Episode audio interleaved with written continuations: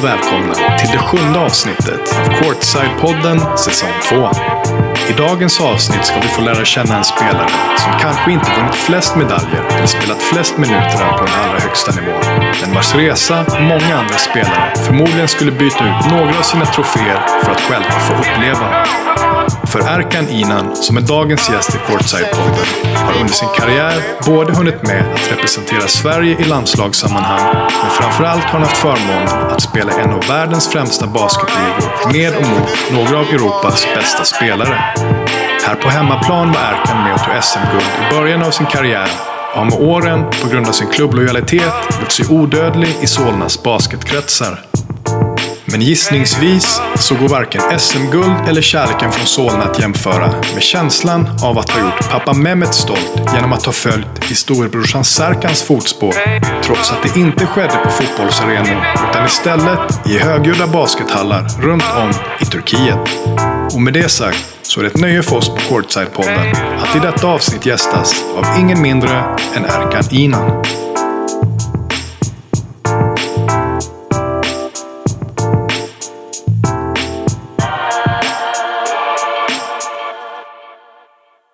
Varmt välkomna till Courtside-podden. Mitt namn är Fredrik Engström och eh, alldeles strax ska ni få lyssna på Erkan Inan och hans spännande karriär. Innan vi kör igång skulle jag bara vilja uppmana alla att gå in och följa oss på Instagram och även gå in på vår YouTube-kanal, Courtside-podden, och eh, följa oss där.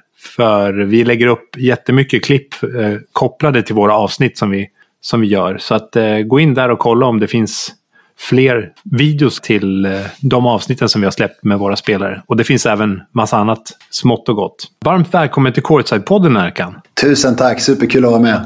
Ja, det ska bli jättespännande här att få höra allt som du har varit med om i din långa karriär. Jag är redo. Det är bara att ställa frågorna. Den är ju fortfarande inte slut än. Du spelar ju fortfarande faktiskt. Ja, det stämmer. Ja.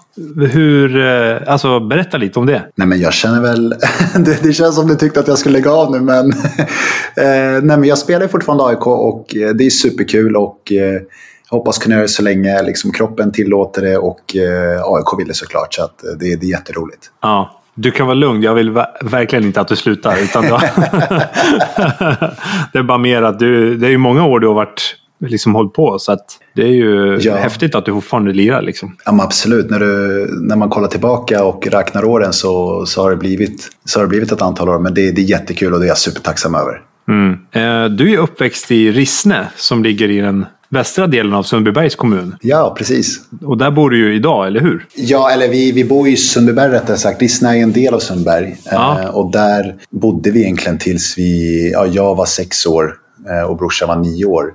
Mm. Sen flyttade vi till Bromsten som ligger ett stenkast bort egentligen. Som ligger ah, okay. i Spånga. Ah. Eh, där vi flyttade ett hus och, och, där, det var där vi växte upp. Och egentligen där min mamma fortfarande bor idag. Så att, eh, där bodde vi fram tills både jag och brorsan bor i Sundbyberg idag och vi är ju grannar så att det, det är superkul. Så att vi har inte rört oss långt bort. Nej, ni har hållit er där i den regionen. Ja, ja precis.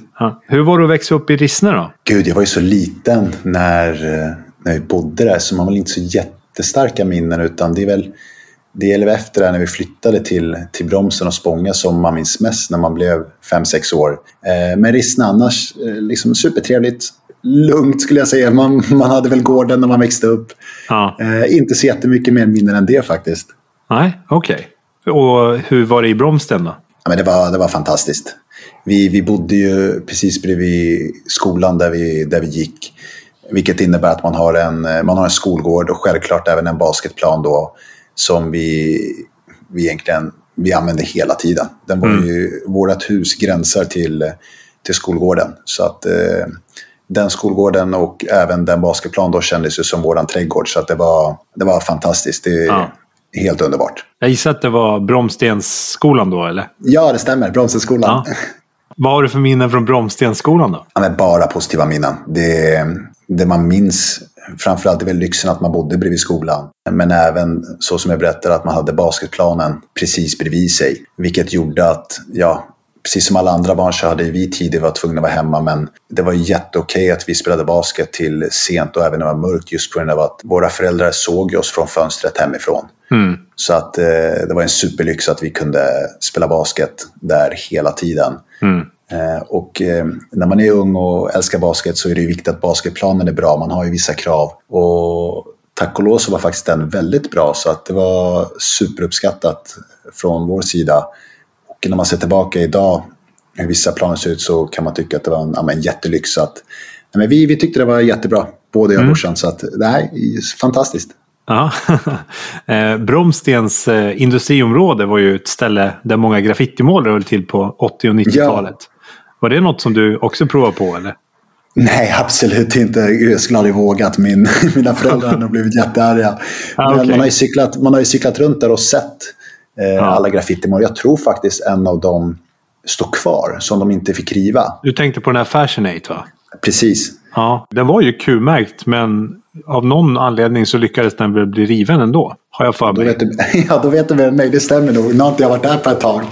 Men eh, som svar på din fråga, graffiti var absolut ingenting jag kunde prova på. Man är ju säkert nyfiken som ung skulle vilja, men nej, jag skulle aldrig få göra det. Och, eh, Nej. nej, så att jag hade nog inte suttit här idag om jag hade gjort det. Nej, det var ju en annan tid då också. Med, alltså, typ alla såg ju ner på det ganska mycket. Nu finns det ju Ja. ändå så lagliga alternativ för folk som vill testa. Men det fanns Ja, ju verkligen inte kanske på den tiden. nej, så, så det, blev inte, det blev inte min framtid. Det blev det inte. Nej. ja. Din brorsa Serkan har ju också haft en ganska framgångsrik karriär och han är ju tre år äldre än dig. Vad betyder det för dig att han också började spela basket som liten? Ja, men jättemycket. Eh, det är ju tack vare att han började spela basket som även jag kunde göra det. Som lillebror så vill man ju oftast följa sin storbrors fotspår. Och så har det alltid varit i mitt fall också. Jag har ju verkligen sett upp till honom så liten och velat göra samma sak. Nu så, så var han väldigt duktig på basket. Kollar man Serkans karriär jämfört med min så har han varit superbra ända sedan han var liten egentligen, hela hans karriär. Jag var lite mer en late bloomer som växte till senare och utvecklades. Så att eh, ja, men det har varit fantastiskt att ha honom som äldre som alltid har varit steget före och mycket bättre och den man utmanar eh, har ju hjälpt mig jättemycket så att det är jag supertacksam över. Ja. Det har varit jättebra. Superkul Ja. Vad är det första du tänker på när, du, när jag säger Vasalundshallen då? Det är hem. Vasalundshallen, det är verkligen mitt hem. Mm. Det är så mycket känslor, det är positiva minnen, även negativa minnen som säkert har varit utvecklande. Och det är väldigt mycket tid jag spenderat där och gör det fortfarande idag. Så Vasalundshallen är, det är en jättestor del av mitt liv, det är det. Ja. Att eh, du, du träffade rätt verkligen när du sa Vasalundshallen, det betyder supermycket för mig. Det gör det. ja. Ni var väl där en hel del på somrarna också va? Ja, Jättemycket. Både de gångerna man fick och inte fick skulle jag vilja säga. Men eh, Ja. vi har varit där jättemycket. Och det blev ju Vasalundshallen är lite den hallen man får komma till senare. När man, om man kommer upp i åldran lite grann. Från början kör man oftast i småhallarna. Mm. Sen när man får komma till Vasalund så känns det jättehäftigt att få komma till den stora hallen där de äldre alltid har spelat. Ja. Och, eh, ja, och sen blir det till slut att man får halvtid där hela tiden. Sen när vi blev äldre och även när vi spelade utomlands faktiskt så hade vi nyckeln till Vasalundshallen. Vilket vi kunde vara där hela tiden, även sent på kvällarna, somrarna. Hade alltid tillgång till den hallen. Ja. Och eh, det har varit jätteuppskattat att ha den möjligheten för att halvtider är inte alltid lättast att få. Nej, Nej, men vi är jätteglada över det och eh, ja, Ja. Det, det har betytt supermycket. Ja, det finns ju inget bättre än att ha nyckeln till en hall på när, när man vill in och skjuta. när man är i den här perioden av sin karriär där man verkligen vill träna så mycket möjligt och då är det en jättelyx att få tillgång till han när man vill. Ja. Så att, eh, ja, men det, har varit, det har varit superbra. Mm. Men innan du började spela basket så körde ju både du och brorsan eh, fotboll. Ja, det stämmer. Kan du berätta lite om din fotbollskarriär? ja, den är inte, det kan jag göra för det går fort. Den är inte så, det finns inte så mycket att nämna där. Eh, jag började spela fotboll i AIK och eh, det gjorde både jag och min brorsa. Och varför gjorde det? För att vår pappa älskade ju verkligen fotboll. Mm. Eh, han hade väl en dröm om att vi skulle bli fotbollsproffs. Ja. det gick ju inte riktigt vägen. Jag, Serkan får tala för sig själv hur duktig han var, men jag var ju absolut inte bra på fotboll. Det är ingenting jag skäms över att säga. Jag brukar säga att jag, jag är nog bara bra på en sport eh, och det, det råkar vara basket och det är jag glad över. Ja. Men eh, fotbollen, eh, det är väl nästan så att jag nästan var tvingad att spela. kan jag, säga. Jag, jag, tyckte inte det var jättekul. Eh, min, eh, min pappa tyckte det var superviktigt. Han försökte verkligen träna oss utanför mm. träningstiderna. Jag var faktiskt i ett väldigt bra lag. Vi, vi vann Sankt Erikscupen, vilket, nu är inte jag 100% säker på, men det är motsvarigheten till ja, vad blir det i, i baskettermer? Stadium Cup? Ja, ska, ja, kanske det, seriespelet. Heter det, det hette Stadium Cup när jag var liten. Jag har inte riktigt koll på vad det heter idag. Men det, det seriespelet vann vi ju.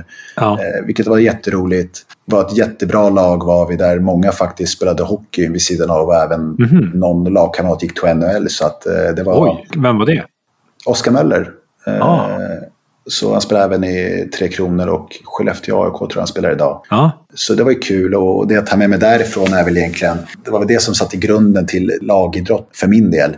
Att, mm. att förstå värdet av att uh, spela för ett lag och jobba tillsammans. Mm. Sen, jag har väl sett båda sidorna, för det var ju så kontrast av att jag var ju verkligen inte en av de bättre i laget i fotboll. Mm. Till att jag uh, nästan alltid har varit i basketen. Så att jag, jag uppskattar väl att jag har sett båda sidorna men är glad över att det var, det var kort i fotbollen och längre basketkarriär. så, så, så det, och sen var det sen när vi började, vi kombinerade ju länge, spela basketfotboll, men när vår pappa liksom såg att vi var duktiga på basket ja. så, så var det okej okay att vi slutade. Så att, ja, okay.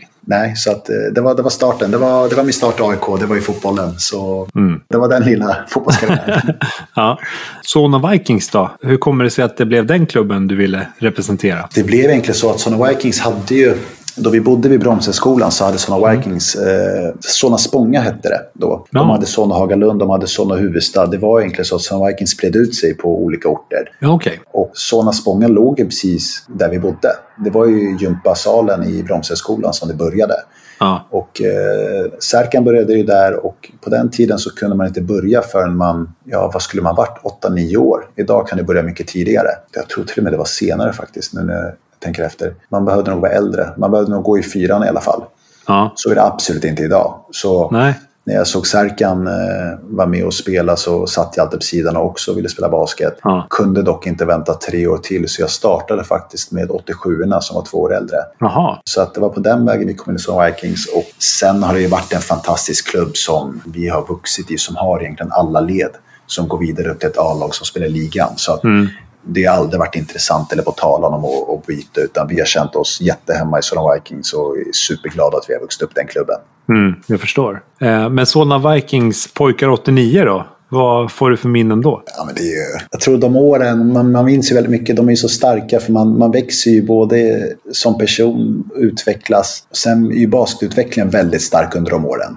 Ja. Då man går från att vara väldigt liten pojke till att växa upp och bli mer en ungdom. Ja. Ja, men jätterolig år där, eh, där det var fullt med träning och tävling framför allt. Eh, både mot andra lag och även internt. I den åldern vill man ju verkligen vara bäst i laget. Det är superviktigt. Ja. Det var bra och rolig år, det var det verkligen.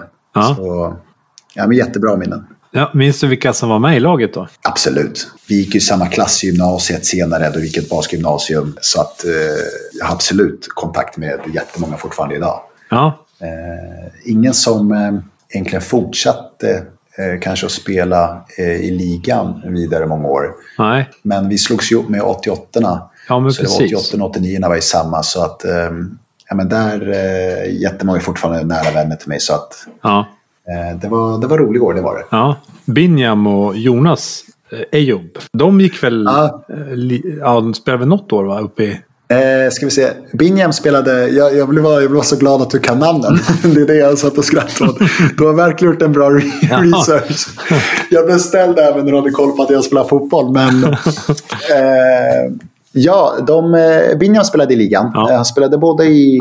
Han var ju faktiskt med mig i Sona Vikings eh, när vi gick upp som rookies. Ja. Och sen eh, var han även med i 08 Stockholm Jämtland. Så att han, mm. har, han har absolut haft en ligakarriär. Ja, ja, men precis. Och Jonas var väl också...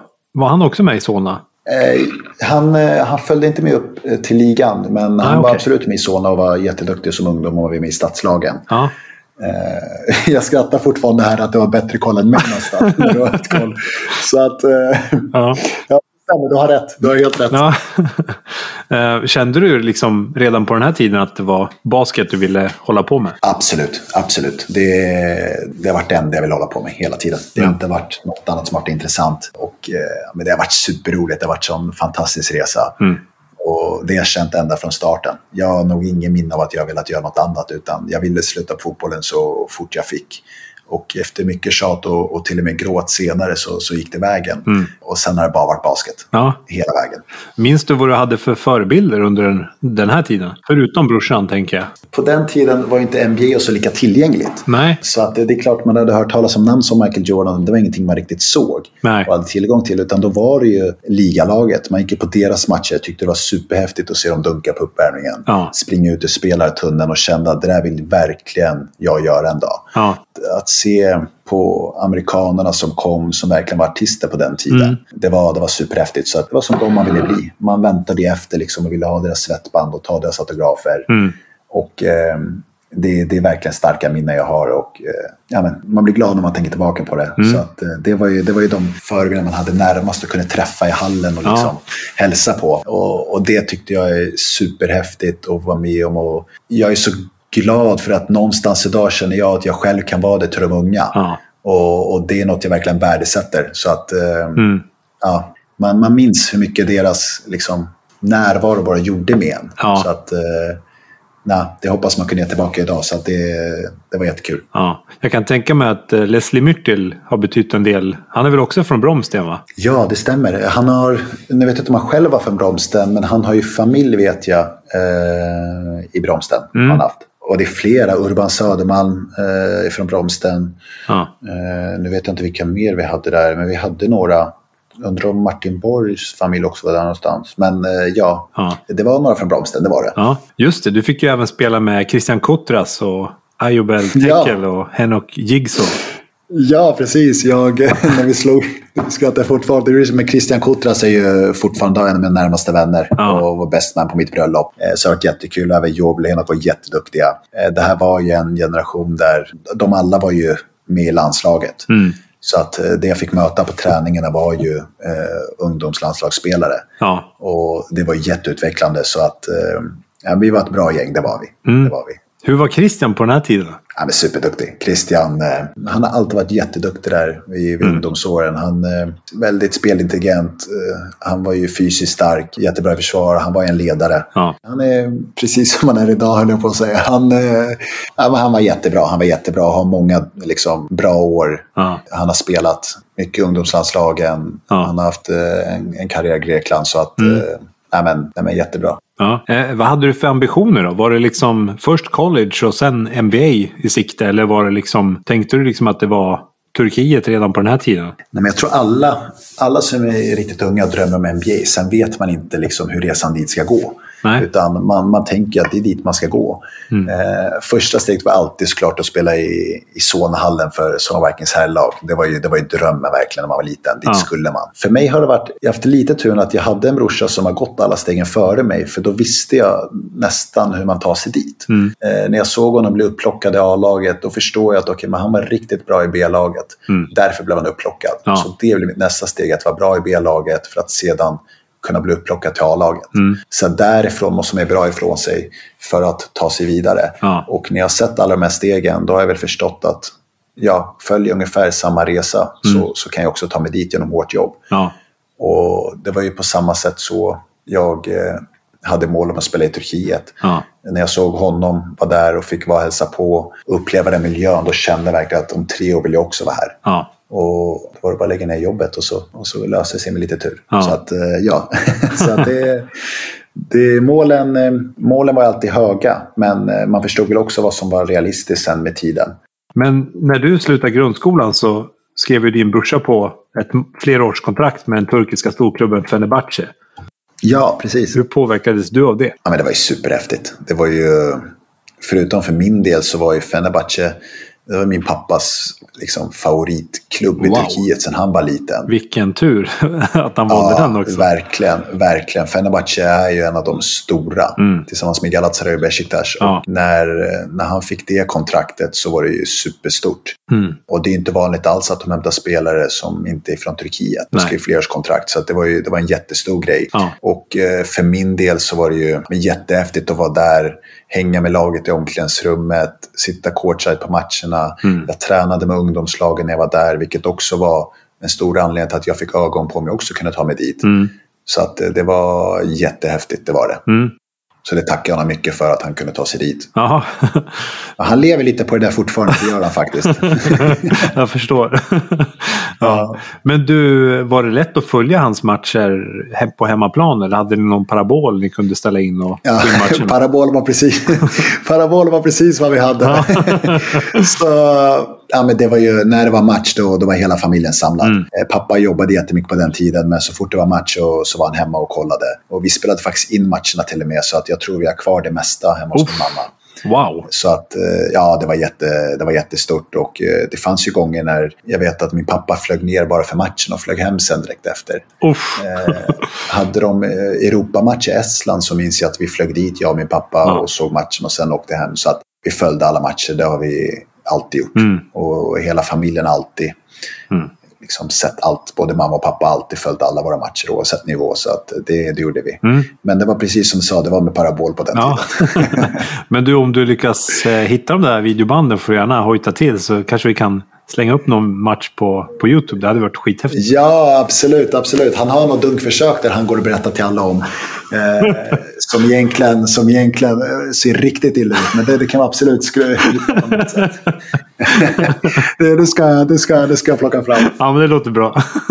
Ja. Men jag antar att du skiftade lite fokus nu då från NBA till att kanske nöja dig med ett proffsliv i Turkiet. ja, men verkligen. Utan man förstår väl. Det är otroligt svårt att ta sig till NBA. Eh, och att vi i Sverige har haft den liksom, lyxen att få, få spelare som Jonas Jerebko och Jeffrey Taylor som har tagit sig dit. Eh, och sen räknar vi kanske Micke Lampe och även Damir om de räknas med. Det, det är väldigt stort. Det är, jag tycker det är otroligt häftigt när jag ser spelare kunna ta sig dit och ens vara med i diskussionen om att ta sig dit. Så det handlar väl inte bara om att nöja sig utan jag såg väl att, att kunna spela med stormatcherna i Turkiet är riktigt, riktigt bra. Och det var när jag såg hur de levde, hur träningen gick till, hur var de var. Det var ett liv jag också ville leva. Serkan bodde ändå i Istanbul som en storstad som har allt. För mig var det, det var drömmen att kunna göra samma sak. Ja. Så att det var i fokus. Sen förstod ju i och med att man växte så förstod man att ja, NBA är väldigt, väldigt långt bort. Ja. Och även om man ska ta sig dit, vilket jag absolut inte vill få låta som att det har varit möjligt, för det har det inte varit. Det vill jag vara tydlig med. Ja. Så, så är det så att man måste vara bra i Europa först om man inte går collegevägen. Mm. Så um, ja, det, det var inte alls på... Det var ett mål när man var liten för att man inte eh, förstod vad som krävdes. Nej. Eh, när du var i 16-årsåldern säsongen 2006-2007. Då var ju året efter bland annat Derek Tarver och Charles Thomas var i A-laget. Då blev du uppkallad. Ja, precis. Hur kändes det? Ja, men jättebra. Det var ju något. När man är i den åldern så känner man att man vill, man vill kunna ta sig dit. Det var inte många i den åldern som fick vara med på bänken i ligan Nej. eh, och vara med i A-laget. Och i det här fallet var Sonny Vikings väldigt bra också. De har alltid varit jättebra i ligan de åren. Och sen var det lite för min del att jag såg att min bror fick A-lagskontrakt när han var 16. Och jag minns att jag fick inte det där på sommaren samtidigt som Serkan fick om vi jämför åren. Och då var jag väldigt besviken och tränade jättehårt för det.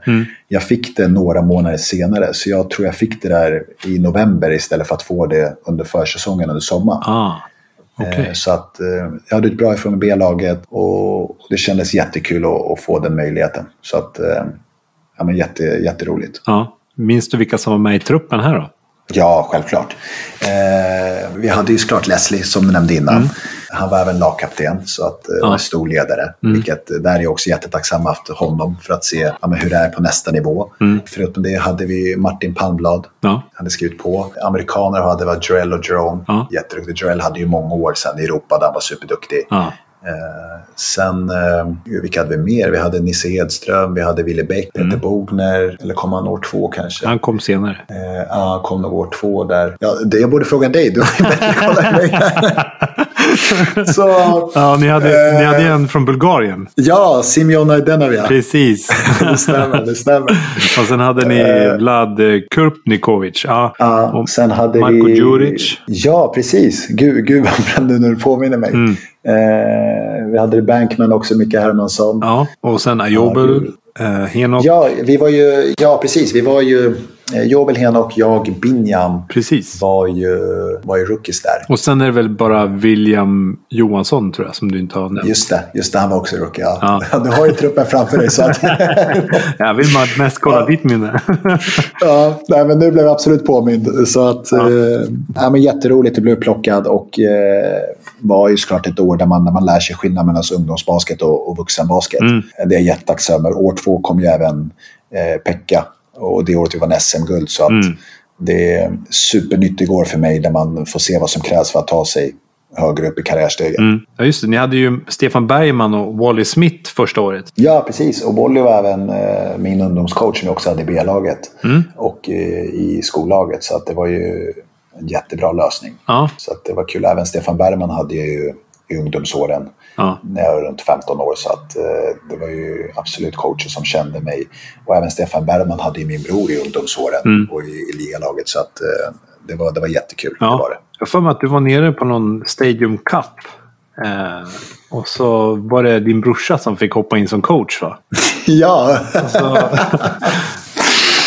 så såg du Jeffrey Taylor. Ja, ja, vart har du hört det här? Det var det jag, jag minns inte. Alltså, det bara slog mig nu. Så här, vad fan hörde jag det här? Det var någon som berättade. Nej, men det stämmer. Kan du berätta den där storyn? ja, men den är jätterolig. Den, eh, vi, Stadium Cup är då seriespelet som man ja. har när man är ja, 14-15 år. Mm. Och eh, då mötte vi ju, om det var NUBF där Jeffrey Taylor också spelade. Mm. Stefan Bergman var ju våran coach, men kunde inte vara med den dagen. Ah. Och eftersom att Serkan både var min bror och var Stefans spelare så sa han till Serkan, kan inte du ta den här matchen? Ah. Och jag minns mycket väl att Serkan kom och tog den matchen och vi förlorade ju med 40 poäng, vilket är jättemycket då. Ah. För vi mötte även det här laget i Stadium Cup-final, så att mm. det är absolut en 40 poängsmatch. Eh, det roliga här är att eh, ja, i, i mina ögon och säkert många andra så var ju deras eh, bästa spelare bättre än våran tränare som också spelar i ligan, vilket var min bror. Eh, men det, var ju, det var ju väldigt roligt och när man kollar tillbaka till idag. Jeffrey Taylor då var ju ja, men drygt 15 och ja. på, hade fyra dunkar den matchen. Ja. Och vi knappt kunde ta i plankan och Serkan för den delen själv inte kunde dunka. Så, så var det ju ja, men väldigt roligt. Det var det. Ja. ja, men det, var, det var ett bra minne. Och återigen är jag, jag bara chockad av att du har hört den här historien. ja, men det är, det är det som är så jävla roligt med att plocka fram de där storiesarna. ja, ja. Basket-Sverige är litet. Alla har hört alla stories på något sätt. ja, eller hur. Um, uh, Binjam och Ayobel och Henok och William Johansson har du kompat ihop med sedan barnsben. Hur var det ja. att ha med dem när du tog klivet upp i A-laget? Ja, men jätteroligt. Det, det, det jag tycker Sun Vikings gjorde väldigt bra det är att man hade B-laget och A-laget väldigt nära varandra. Så att mm vi fem som var uppe med A-laget, vi unga, vi var ju även tillsammans i B-laget. Ja. Så att eh, vi blev väldigt svett, sammansvetsade även i, i B-laget och eh, kände oss liksom som, som en del av laget även i A-laget och vi var så många. Mm. Eh, så att det var ja, jätteroligt. Mm. Bara bra saker att säga om det. Ja, förutom lagkaptenen eh, Leslie Myrtil då, var det någon av de mer rutinerade spelarna som tog er under sina vingar? Ja, men jag tyckte allihopa gjorde det. Eh, jag mm. har alltid haft en känsla att de äldre verkligen har, har brytt sig. Nu kan jag bara tala för mig, men absolut om mig. Mm. Och det har värdesatt jättemycket och försöker även själv göra på de unga idag. Ja. När jag har kommit upp i den åldern. Och sen så har jag, jag har alltid känt de äldre sen innan då min bror är tre år äldre har varit med och tagit stegen före. Ja. Eh, så att det har gett mig lite liten skjuts där som jag varit tacksam över. Mm. Men eh, jag tycker att alla har liksom tagit bra hand om mig och det tror jag också kommer med att de såg väl att jag var intresserad av att bli bättre. Mm. Jag var snäll skulle jag säga. det de krävde på den tiden var ju att ja, man, man bär på medicinväskan, fyller vattenflaskan, städar, diskar, tvättar och allt vad det är. Mm. Så länge man gjorde det, vilket jag gjorde, för att jag förstod att det var en del av rookie, rookie duty, så, ja. så, så tyckte de väl bra om mig. Det, det ja.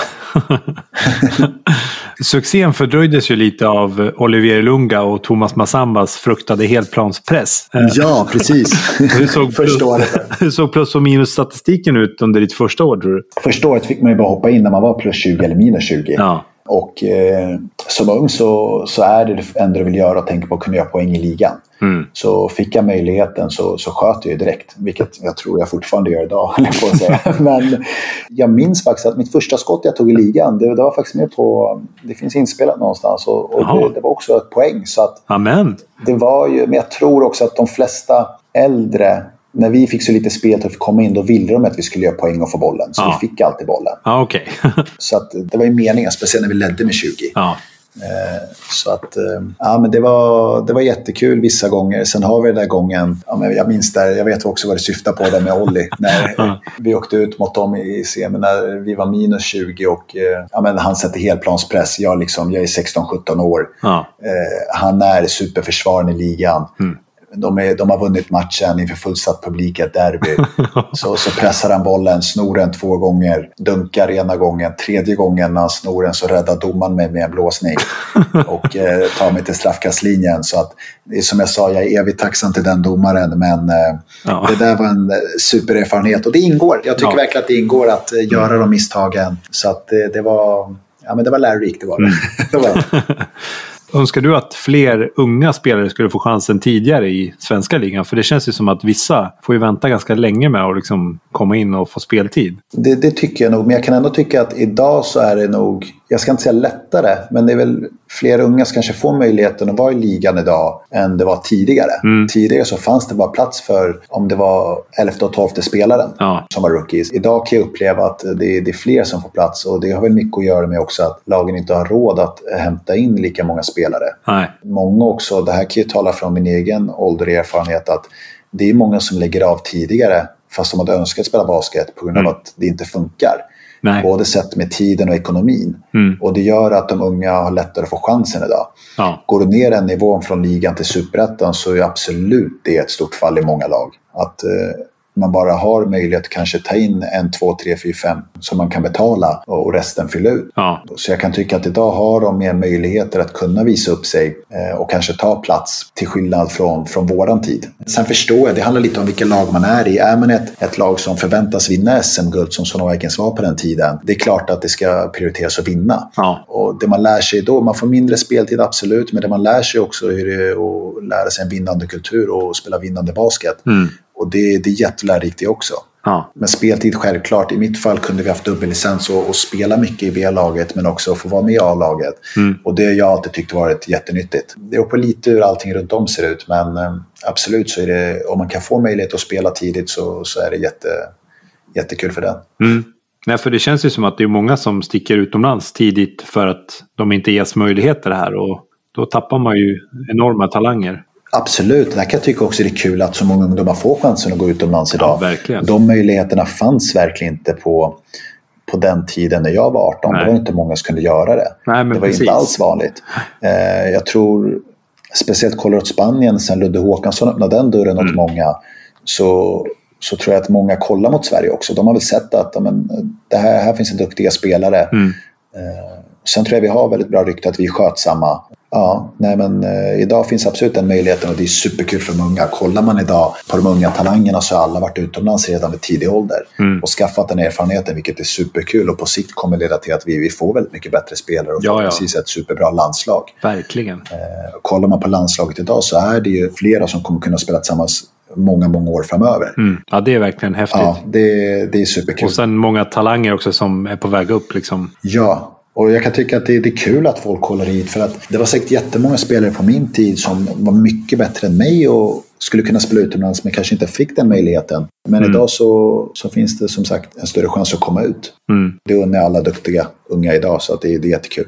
Första säsongen du var med i ligan där så vinner ju Solna Vikings grundserien och radar upp 17 vinster och förlorar bara fem matcher. Och sen möter ni 08 Stockholm Human Rights i semifinalen. Så den slutar ju 3-1 i matcher till, till 08 då. Ja. Vad minns du från den semifinalserien? Det jag minns mest var ju att eh, man spelade inget då utan det var ju trycket på läktaren egentligen, intresset. Det var ju det de kallar Subway Series då. Det var ett derby. Vi räknade med att gå vidare till final såklart i året. Det var ett jättebra lag. Men eh, 08 var bättre, var bättre den serien och, och slog oss. Mm. Det var det sura äpplet man fick bita men komma tillbaka året efter och vinna var ju det härliga i det. Kollar man de två åren jag hade där innan jag gick utomlands så var det absolut en lärdom där jag fick se hur, hur ett lag studsar tillbaka. Vi förväntas att vinna, misslyckas, men har ett mål inför nästa säsong som vi sedan lyckas med. Så att det, var, det var absolut lärorikt, det var det. Även om jag inte liksom var bi, bidrog på något sätt på planen det året. Ja, de hade ju som sagt Thomas Massamba och Olivier Lunga och lite andra Ja, absolut. sköna spelare. Bland annat Peter Bogner som du snackade om som kom till er efter den säsongen. Ja, antar hade jag. Manny Dice också då som... eh, Ja, men precis. Och Jocke Blom. Ja, ja, absolut. Jättebra lag. Ja, de torskar ju sen mot Plannja eh, i finalen mot en ung stjärna vid namn Jonas Jerebko som verkligen var grym den säsongen. Och ja, gick ju sen hela vägen till NBA och, och sådär. Kände du liksom att när du såg honom att han var ja, en enorm talang och att han hade möjlighet att komma till NBA? Absolut. Jag, eh, jag fick ju höra mycket där genom Särken som eh, spelar i landslaget tillsammans med u landslaget Mm. Och han var ju, det man hörde av honom var att han verkligen var en late bloomer. Han dök ju upp där nästan från ingenstans innan han gick till Plannja. När han var superbra Mm. i, i ja, dåtidens superettan. Och eh, när man hade ju så mycket. Det, det är liksom en lång atletisk kropp som kunde göra det mesta. Sen är det att förutspå då att han skulle till NBA. Det, det var ju omöjligt för man visste inte vad som krävdes ta sig dit. Vi hade ingen som hade gått den vägen i Sverige. Det var jättesvårt att säga men man hade ju hört att han hade fått massa utomlandserbjudanden. Till och med valt att tacka nej för att ta ett år i Plannja. Vilket tror jag inte många andra hade gjort. Och eh, göra ett jättebra år för att sedan ta sig till Italien och fortsätta en jätteframgångsrik karriär därifrån. Så det var, ju, det var absolut häftigt att se och sen att kunna se någon ta sig till NBA var ju superstort. Så att, eh, Mm. nej, det, var, det, var, det var kul att se. Ja, tyvärr har vi inte hittat någon match med Solna Vikings från den här säsongen. Men vill man spana in både Plannja och 08 Stockholm från det här året så finns tredje finalmatchen på Courtside-poddens YouTube-kanal. Och om man sitter och ruvar på gamla basketmatcher, intervjuer eller reportage på VHS eller i digitalt format så får ni jättegärna höra av er till oss på Instagram eller mejla oss på courtsidepodden gmail.com så kan vi säkert hjälpa till att digitalisera ert material så det kan bevaras och studeras av nästa generations basketspelare. Eh, ja, just det. När Olivier Ilunga drog, lämnade 08 och drog till Cypern så gick det lite bättre för dig i ligan. Ja, och under ditt andra år i Solna så fick ju du lite mer speltid. I alla fall i början av säsongen. Hur påverkade det dig att du fick mer, eh, mer och mer förtroende av coacherna? Ja, men det, är- det är klart det är jätteroligt. Sen är det inte, såklart, jag ska vara säga, det är inte så jättemycket spel vi pratar om ändå. Men det är stort att, jag minns när serien startade, fick jag hoppa in i första ackorden som 17-åring i ligan och det, det är väldigt stort i sig. Jag minns även där, vi spelade mot Norrköping borta. Mina föräldrar hade åkt ner och vid min första touch liksom, så sköt jag en trea och satte den, eh, vilket är väldigt kul. Sen minns jag att jag även där blev stilad av, eh, jag tror det var, var det Andrew Plake då, som eh, Mm. snodde bollen från mig och eh, började trashtalka på engelska. Och eh, sen så foulade jag honom för att stå tillbaka och visa att jag inte var rädd. Eh, vilket resulterade i att jag blev utbytt och inte fick komma in igen. Så jag har några sådana historier att jag har eh, kommit in och ut snabbt. Men eh, det som var kul där var att man fick vara med på planen och vara delaktig i början innan liksom matchen var över. Till skillnad från första året. Men eh, sen skrev Rudy på och eh, i och med det så minskade speltiden igen. Även mitt nummer försvann. Han tog min, min nummer nio, jag ihåg där. Så att det var mycket som försvann när han signade, men eh, det var superkul det också. Ja. ja, det är ju en, en spelare man gärna skulle lämna över sitt nummer till tror jag. Många hade gjort det tror jag. Nej, men det ville jag faktiskt inte göra, men jag hade nog ingen val. Jag kommer ihåg att Ah, Kribba kom till mig då och sa att jag var tvungen. så att eh, för mig betydde det faktiskt mycket att att behålla det. För det är liksom, nummer nio för mig har varit att min pappa hade det när han var liten. Ja, Eh, och sen hade min bror det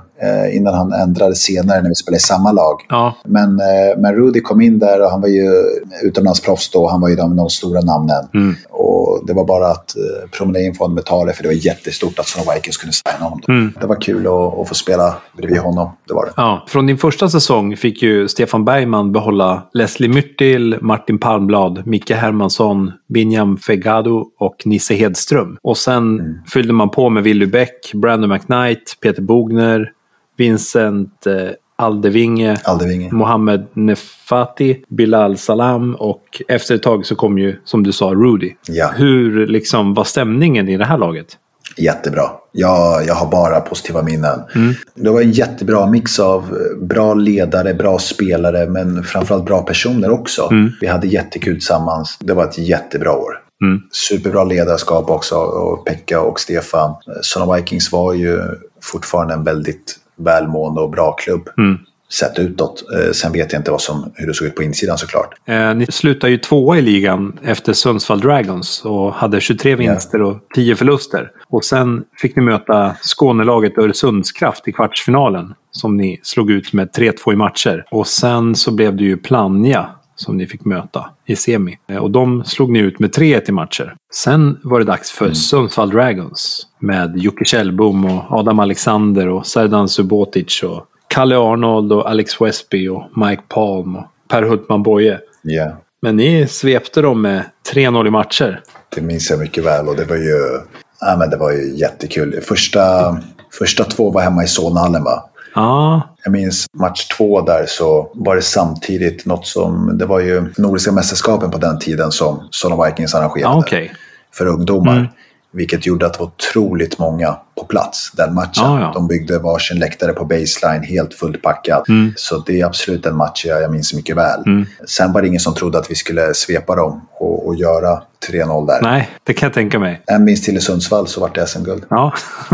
Det, alltså, hur beskriver man det för någon som inte har vunnit SM-guld? Liksom, känslan? Jag tror nästan att för min del, eftersom att man fick det så tidigt, Ja. så tror jag nästan inte man förstod värdet av det. Det är något jag förstått på äldre dagar när jag förstår hur svårt det är att vinna ett SM-guld. Man har ju många som verkligen legat nära och liksom aldrig fått det. För mig var det mitt andra år i ligan, även om jag inte var lika mycket delaktig som en äldre spelare, så kom det väldigt enkelt. Gjorde det. Och det gör nog att man blir lite fartblind och tappar förståelsen över att det är en stor grej att vinna ett SM-guld. Det är inte många som har gjort det. Nej. Men eh, det var jätteroligt såklart. Och ingenting jag faktiskt tänkte på på den tiden. Utan jag ville ju ta nästa steg i karriären och tänkte att det här är någonting man gör. Ja. Jag tror även vi vann, om jag minns rätt nu, så vann vi dubbla SM-guld det året. Damerna vann också. Ja, men Vilket precis. var jättekul för, för klubben att ha dubbla SM-guld. Och även Stefan Bergman var ju headcoach för damerna. Mm. Så han vann med damerna och med herrarna samma år. Mm. Vilket är en jättestor bedrift i sig. Att- Verkligen. Det är egentligen bara Kevin Taylor Lundgren som har gjort samma sak. Och det gjorde han ju Ja. förra häromåret liksom med Norrköping. ja, han var jättehäftigt. Ja, men eh, precis som du sa där också hur svårt det är att vinna ett SM-guld. Eh, Leslie Myrtil till exempel, han hade ju försökt 13 säsonger innan den här säsongen och fick äntligen lyfta guldbucklan det här året liksom. Ja, och det var, det var, det var välförtjänt, det var det. Ja. Verkligen. Ja, det måste ha varit häftigt att få vara med och vinna med honom. Och det man förstår också, det man förstår också när man tänker tillbaka hur vi tränade och hur vi förberedde oss det året. Ja. Eh, lite likt det man hört kanske senare när jag pratar om vänner som har spelat för Vedran i Södertälje, hur mycket de förberedde sig. Så förstår man att det är bäst förberedd är den som vinner någonstans. Det var inga liksom, dåliga träningar på så sätt vi, vi slapp utan det var seriöst hela vägen. Ja. Vi la verkligen ner timmarna med det laget och det var häftigt att se att när Pekka kom in och eh, någonstans visade oss vad som krävdes att vinna på den här nivån. Ja. Och det är någonting som jag därifrån tog med mig senare och byggde på när jag spelade utomlands. Så att jag är jättetacksam över att jag fick, eh, jag fick se det på hemmaplan. Vilket förbereder mig senare för nästa steg. Det, det, var, det var jättekul, det var jätteroligt. Och någonstans så ser jag väl att även om inte jag är delaktig i de lagen som vinner idag så, så kan jag bara tänka mig hur mycket tid de lägger ner och vad som, är, vad som krävs för att få de där SM-gulden. Så att det är nog alltid i de flesta fallen väldigt välförtjänt för de som vinner. Mm. Ni hade ju en hel del utmärkelser också det året. Brandon McKnight blev ju årets försvarsspelare och Rudy blev ju årets guard och Willy Beck årets rookie. Ja, Det är ju också roligt när, man, när det kommer så individuella priser till ens lagkamrater. ja men verkligen. Och det var, det var nog välförtjänt i alla de tre fallen där. Mm. Kanske att Bergman borde ha vunnit årets coach Det, det kanske han gjorde. Ja, för vilken av lagen? Han var ju två coacher. Ja, precis. ja. Bergman då? Vad, vad säger du om honom? Han har ju varit med dig sedan ungdomsåren. Liksom. Vad har han betytt för dig? Nej, men det är klart han har betytt jättemycket. Och det kommer tillbaka till lite att han började coacha min bror och jag såg väldigt mycket upp till ja, men de coacherna som coachade honom. Mm. Då det var nästa steg. Och sen när jag själv fick honom i ungdomsåren så var jag jätteglad över det. Sen eh, var ju han här i laget när jag tog steget upp dit. Så han har ju följt med mig hela vägen. Mm. Och det har varit eh, jätteroligt. När jag kom hem sen till AIK många år senare så stod han på andra sidan och coachade Djurgården. Ja, just det. Och, och då fick jag möta honom också så att, eh, det, det har varit roligt. Och ja. det, det är bara kul, liksom. full respekt åt båda hållen. Så. Mm. Jag tänkte jag ska spela upp en liten hälsning här från Kör hårt. Ja, vad ska man säga om en sån som Erkan innan? Coachade honom tidigt 2000-tal.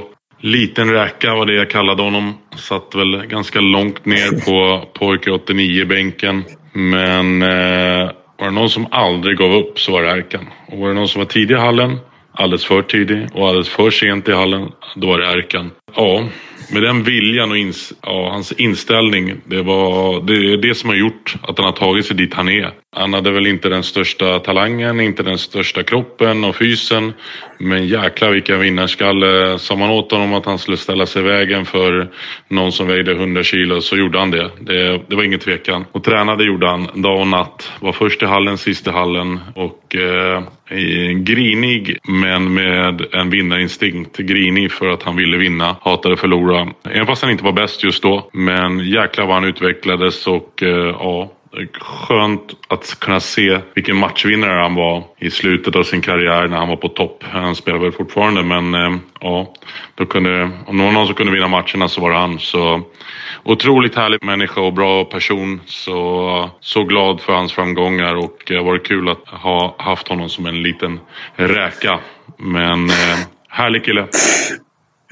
Oh, fantastiskt, man blir, man blir jätteglad av att höra sånt här. Och det tar mig verkligen tillbaka till att minnas att jag minns att han kallade mig räkan. Ja. Eh, det gör jag faktiskt nu när jag hör det. Sen har jag glömt bort det, ja. eller rättare sagt förträngt det. Mm. Ja, men jättefint, och, jättefint sagt av honom. Man blir, man blir jätteglad, det blir man. Ja. Eh, och det, det, är lite det, man glömmer nästan hur det var då, vilken relation man hade tränare.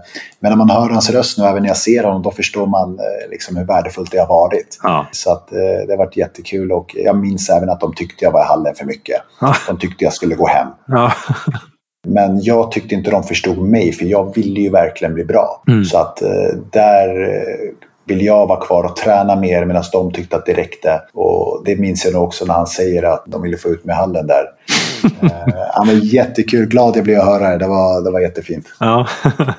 Ehm, du vann ju ett SM-guld och tog studenten från basketgymnasiet i Solna. Ja. Och då antar jag att du hade en klar bild för vad du skulle göra sen. Ja, alltså redan, redan när jag började gymnasiet så förstod jag att jag har tre år på mig. Eftersom att det är den vägen min bror gick. Och då gjorde jag någonstans ett avtal med mig själv att träna så mycket som möjligt och bli så bra som möjligt för att skapa förutsättningarna för att kunna ta mig till mm. ett proffskontrakt i Kiev, vilket var mitt mål. Sen är det så här att de som har sett mig och kände mig då vet att jag, när jag klev in i gymnasiet så var jag 1,78 lång. Mm. Jag hade inte den bästa fysiken, jag var verkligen late bloomer. Mm. Jag klev ut gymnasiet drygt 1,95.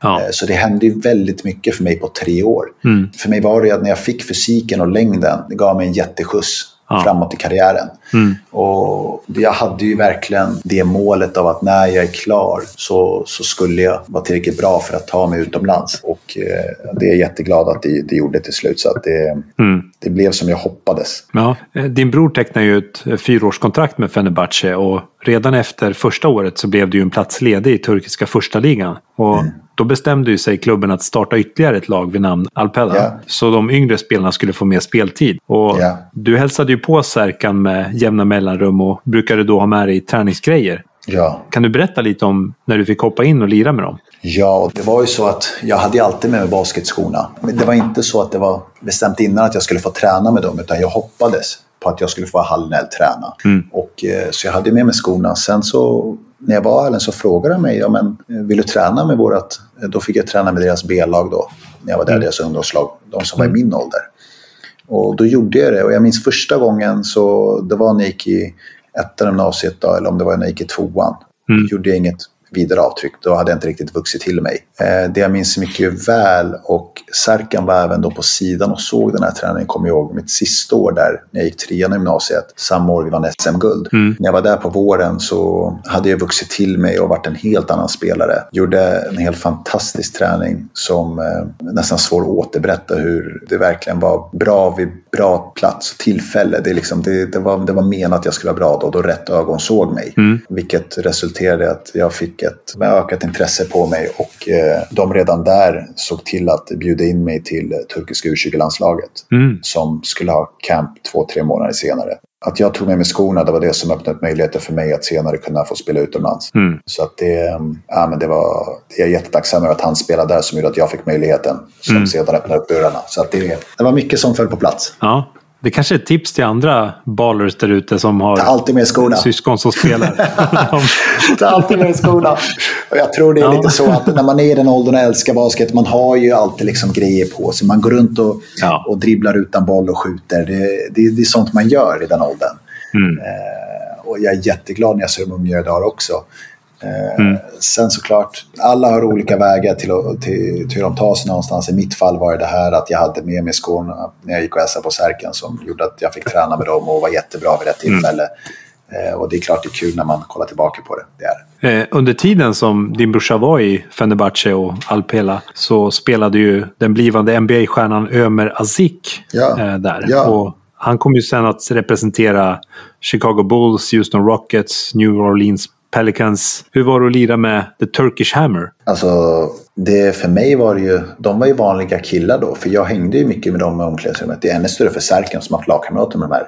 Jag minns även att mm. Enes Kanter var i ungdomslaget då. Ah, Sen okay. tränade inte jag mot honom när jag var där, men uh, han var ju även där. Det var ju men, väldigt stjärnspäckat. De hade ju James White som hade varit mm. i NBA. Terence Kinsey som hade spelat i NBA. De, eh, det var ju de spelarna som fanns i truppen. Ja. Ibrahim Kutlay som är ja, en jättestor europeisk spelare. Hade ett år i Seattle också i NBA. Ja. Var ju där. Det var absolut ett stjärnspäckat lag. Ja. Och eh, för mig var det väl häftigt att, att få liksom, se dem spela och träna. Och, och, se att det där kan bli en verklighet om man tar sig dit. Men det är mm. klart, ännu häftigare för Särkan som levde det livet och var en del av det laget. Ja. Det var ju många som fick upp ögonen för dig under den här sommaren. Bland annat klubben Efes Pilsen som numera heter Andulu Efes. Ja, precis. Och där lirar ju Shane Larkin idag som de senaste åren har vunnit back-to-back-titlar i Euroleague. Eh, vilka mer var det som ville ha din underskrift? Det som hände där var att eh, jag var faktiskt på camp med turkiska U20-landslaget. Eh, och mm. där hade jag en jättebra träning och skulle faktiskt representera dem. De, de ville att Jaha. jag skulle spela U20 för dem när jag var ett år yngre, för 88 och 89 och eh, under, på de, Det som är skillnad lite på de träningarna och svenska U20-landsträningar är att när turkiska u tränar då är det väldigt professionellt. Det är fullt med scouter på läktaren. Det är verkligen uppstyrt. Mm. Och där var det ju väldigt många scouter som såg att men vem är den här killen som är Serkans lillebror? Serkan spelade i en stor mm. klubb då som de aldrig har mm. sett hade en väldigt bra träning vilket gjorde att jag fick intresse och väldigt många agenter som ville jobba med mig. Mm. Och det, det, krävdes faktiskt bara en träning för att få upp de här ögonen på sig. Och då så hade vi, det här var i början på sommaren, tränaren eh, Orhun Ene som senare blev min tränare i Turkiet som också har varit turkiska landslagstränare i många år för A-landslaget. Han eh, ville ju skriva på fyraårskontrakt med mig i Antalya var då. Sen mm. så hade vi FS Pilsen som idag är Euroleague-laget Anadolu FS eh, mm. som ville att jag skulle komma på tryout också. Så hade vi Turk Telekom Telekom och sen Banvit som senare blev det laget jag skrev på för. Mm. Så det vi gjorde var att vi först hälsade på Banvit, fick eh, ett väldigt bra kontraktförslag. Vilket jag också vill understryka att det var inte det viktiga här för oss att det skulle vara ekonomiskt utan det var ju det som skulle utvecklas. Mm. Och sen gick vi till eh, FS och tränade med dem som då är ett Julik-lag. Mm. Eh, ja. Planen där var att skriva på med deras lag men spela för deras andra lag som också var i första ligan. Ah. Som då hette Darushafaka som faktiskt också eh, har spelat eh, topp europeisk basket idag och Euroliga har varit i. Så efter de träningarna och vi hade båda kontraktförslagen så tyckte vi att det var så pass bra att vi inte behövde åka till de andra två. Vi hade planerat att ha fyra tryouts men eh, stängde efter två. Mm. Och sen så åkte vi tillbaka till Bambit och skrev på för dem. Det var en fantastisk möjlighet för mig. Det var en klubb som verkligen ville ha mig långsiktigt och utveckla mig. Det var en fantastisk lösning var det. Och jag är jätteglad över det. Jag kunde inte sett att det kunde bli bättre än det. Nej, du har aldrig ångrat att du inte valde EFS Pilsen då? Absolut inte. Jag är supernöjd. det är jag. är supernöjd. Sen vet man aldrig vad som hade hänt om man hade gått någon annanstans. Men jag tror inte många som vet om att jag hade den möjligheten. Jag har inte riktigt pratat om det heller. Nej. Men jag har någon bild vet jag från, som är tagen efter en träning där när jag sitter i deras träningsställe i deras, i deras anläggning. Ja. Som är häftigt med deras anläggning det är att de, eh, de tränar ju där ölfabriken är. FS är ett ölmärke. Ah, just det. Eh, så att de tränar ju, när man åker in i den anläggningen så är det fullt med, med ölfat och liksom backar runt man åker in i. Ja. Så, att, eh, så det är lite speciellt, det var det. Ja, du får skicka bilden sen, det vore kul att se. Ja, verkligen, det ska jag. Um, men uh, Serkans klubb Alpela då, var de intresserade? Det här kom ju senare faktiskt, det som hände med mig, att få kontrakten än när han var där. Ah. När Serkan skulle lämna den klubben, när han lämnade den där innan sommaren, innan det här blev aktuellt för mig. Aha, och okay. gå vidare. Ja, ja. Och eh, de som jag hade liksom ögonen, de som hade ögonen med var de som var där på de här uttagningarna. Ja. Så att det, var, det var de fyra lagen. Det var, ah, okay. det var Antalya, Tur Telecom, Ja. FS och eh, Bambit. Jag har hört att de ville skriva ner dig i åldern när du kom ner. var det landslaget eller klubblaget? Stämmer, det var faktiskt samma med samma träning där när de frågade mig. Jag minns att jag, jag hade nyligen blivit 18 år. Ja. Och så tog de mig åt sidan där. Då sa de, Erkan, vad säger du om vi skulle göra till en 91 Då är jag född 89 då. Ja. Eh, jag minns att de, de vill göra mig till en 16-åring igen. Ja. Eh, vilket, nu vet jag inte hur det funkar, men man har hört rykten om att, att många är äldre än vad, vad de är på passet. Ja. Eh, det går lite rykten om att ja, Ersan Ilyasova, som också har spelat i NBA, att de har gjort så. Mm. Jag vet inte fallet är med hennes kanter om det är samma sak, men jag har absolut hört det. Ja. Eh, och där, där fick jag bekräfta att det, det stämmer, för de frågade mig också. Ja. Ska vi göra det i två år yngre? Ja. För mig var det absolut inget alternativ. Sen är det så här, kollar man på basketmässigt så hade det ju såklart varit en, en större talang om jag var två år yngre. Ja. Så, så det var roligt. Men det är någonting vi skrattar åt idag. Men jag, jag, jag sa faktiskt nej ganska fort där. ja, jag förstår. Det är så här. 2008-2009 så åkte du ner till, eh, till Banvit då. Ja. Och eh, du fick ju ganska tidigt ett smeknamn i Turkiet som sen följde med dig under resten av karriären utomlands. Vad var, vad var det de kallade dig? De kallar mig faktiskt PC, kallar de mig när jag spelar i Bambit. Hur kommer det sig? Det här är en ganska rolig historia också hur det kom till. Det är att eh, när jag skrev på där så fick ju många artiklar på nätet. Och eh, då hade någon, jag vet inte hur det, vem som startade det, men då hade i någon artikel hade de sagt att jag kallas dataärkan eftersom att jag är så basketkunnig, hade någon skrivit. Ah, Eh, basket-IQ alltså. Ja, precis. De hade gjort den kopplingen och det stod i någon artikel. Sen skulle vi åka till Tyskland, kom jag ihåg, på någon försångsturnering och så hade jag en lagkamrat och då hade jag precis lärt känna de här. Jag hade ju Ja. precis börjat bli vänner med dem i laget. Så minns jag att han ropade data, fast motsvarigheten på turkiska. Då. Och så re- reagerade jag inte. Och så ropade han Macbook. Och så reagerade jag inte heller. Och så sa han PC, vilket är PC då, motsvarigheten. Och då råkade jag kolla åt det hållet och sa ah, det här är ditt smeknamn. Sen följde det faktiskt med mig väldigt länge. Så att jag blev faktiskt kallad det, vilket är både konstigt och roligt under alla mina år i Turkiet. Det följde med andra lag också. Så, att, Ah, okej. så det stämmer. Du, du har verkligen gjort research här. Ja. Men eh, basketlaget eh, Banvit låg i byn Bandirma. Ja. Och eh, vad är det bästa med att bo just där? För min del som, eh, som ville bli bättre i basket var det ju att jag alltid hade tillgång till hallen. Det var en klubb som verkligen ville växa och gav möjligheterna till spelarna. Ja. De har ju verkligen uppfostrat många, många bra spelare som sedan har gått över till storklubbar. Senaste de har nu är Alperen Şengül som spelar i Houston Rockets. Uff. Han har ju haft samma tränare som jag har haft som, som utvecklar spelare. Ja, han är ju svinbra. Ja, han är jätteduktig och, eh, och jag, har väl, jag har väl sett vad han har gått igenom kan jag väl säga till den som. Så han förtjänar absolut att vara där. Det gör han. Mm. Han är idag. Det har varit fantastiskt. När man är, kommer dit, det är absolut en omställning för det är en mindre stad med 100 000 invånare. Ligger vid vattnet, det är två timmar med båt från Istanbul. Men det är, den stora grejen i den staden är basketlaget. Eh, Bambit är en kycklingfabrik. Mm. Det ligger i den staden så att eh, de är, vad kan motsvarigheten vara i Sverige? Ja, men tänk dig Kronfågel kanske? Ja, precis. Eh, Fast kronfågeln ska vara det största kycklingmärket i hela Norden, även i Europa. Ah. Okej. Banvit-kyckling finns ju i en stor del av Europa. Ja. Det är väldigt stort. Mm. Och Banvit, kycklingmärket finns ju i hela Turkiet. Så att eh, det var en stad som eh, alla kände till kycklingfabriken, vilket var, var en stor grej i staden, och basketlaget som har samma namn. Mm. Och eh, det var en stor grej i staden. När det match var alla där så det var ju fullsatt. Mm. Och alla spelare blev igenkända på gatorna ja. då vi bodde där. Så det var, det, var, det var jättebra. Ja. Om du skulle slänga ihop en liten eh, kycklingmiddag här då? Vad skulle du välja? Kronfågel eller banvit? det roliga är att vi fick så mycket kyckling där gratis. Jag minns även på nyårsafton så kunde det komma liksom en stor kalkon framför min dörr levererad. Så jag åt extremt lite kyckling där. Eh, okay. För att det, det, blev så mycket. Så jag, eh, jag, eh, jag, jag tog nog avstånd för det där. Det blev för mycket tror jag. Kändes det bra liksom redan från början eller tog det ett tag innan man kom in i liksom, livet i Banvit där? Det kändes nog väldigt bra från början men det var ju såklart en stor omställning. Eh, när man är 18 år flyttar ensam till en, till en liten stad som är väldigt annorlunda från Stockholm. Mm. Du pratar ett annat språk, du spelar bara basket och det är liksom din huvudsyssla. Så det var ju, det är väl två sidor. Det var ju drömmen och det man verkligen vill göra, vilket jag var superlycklig över. Mm. Eh, men också väldigt utvecklande. Det är en helt annan miljö där, det märkte jag direkt. Eh, speciellt mm. den klubben och den tränare jag hade där första året. Jag hade dubbellicens, ja. så jag fick träna med A-laget och spela med B-laget. Mm. Väldigt annorlunda var det. Väldigt utvecklande och ja, det, var, det kändes jättebra såklart. När jag kollar tillbaka är det en av de mest utvecklande, både personligt och basketmässigt såklart, åren jag har haft. De två åren jag var där. Så att, ja. Ja men, supervärdefulla år av mitt liv. Mm.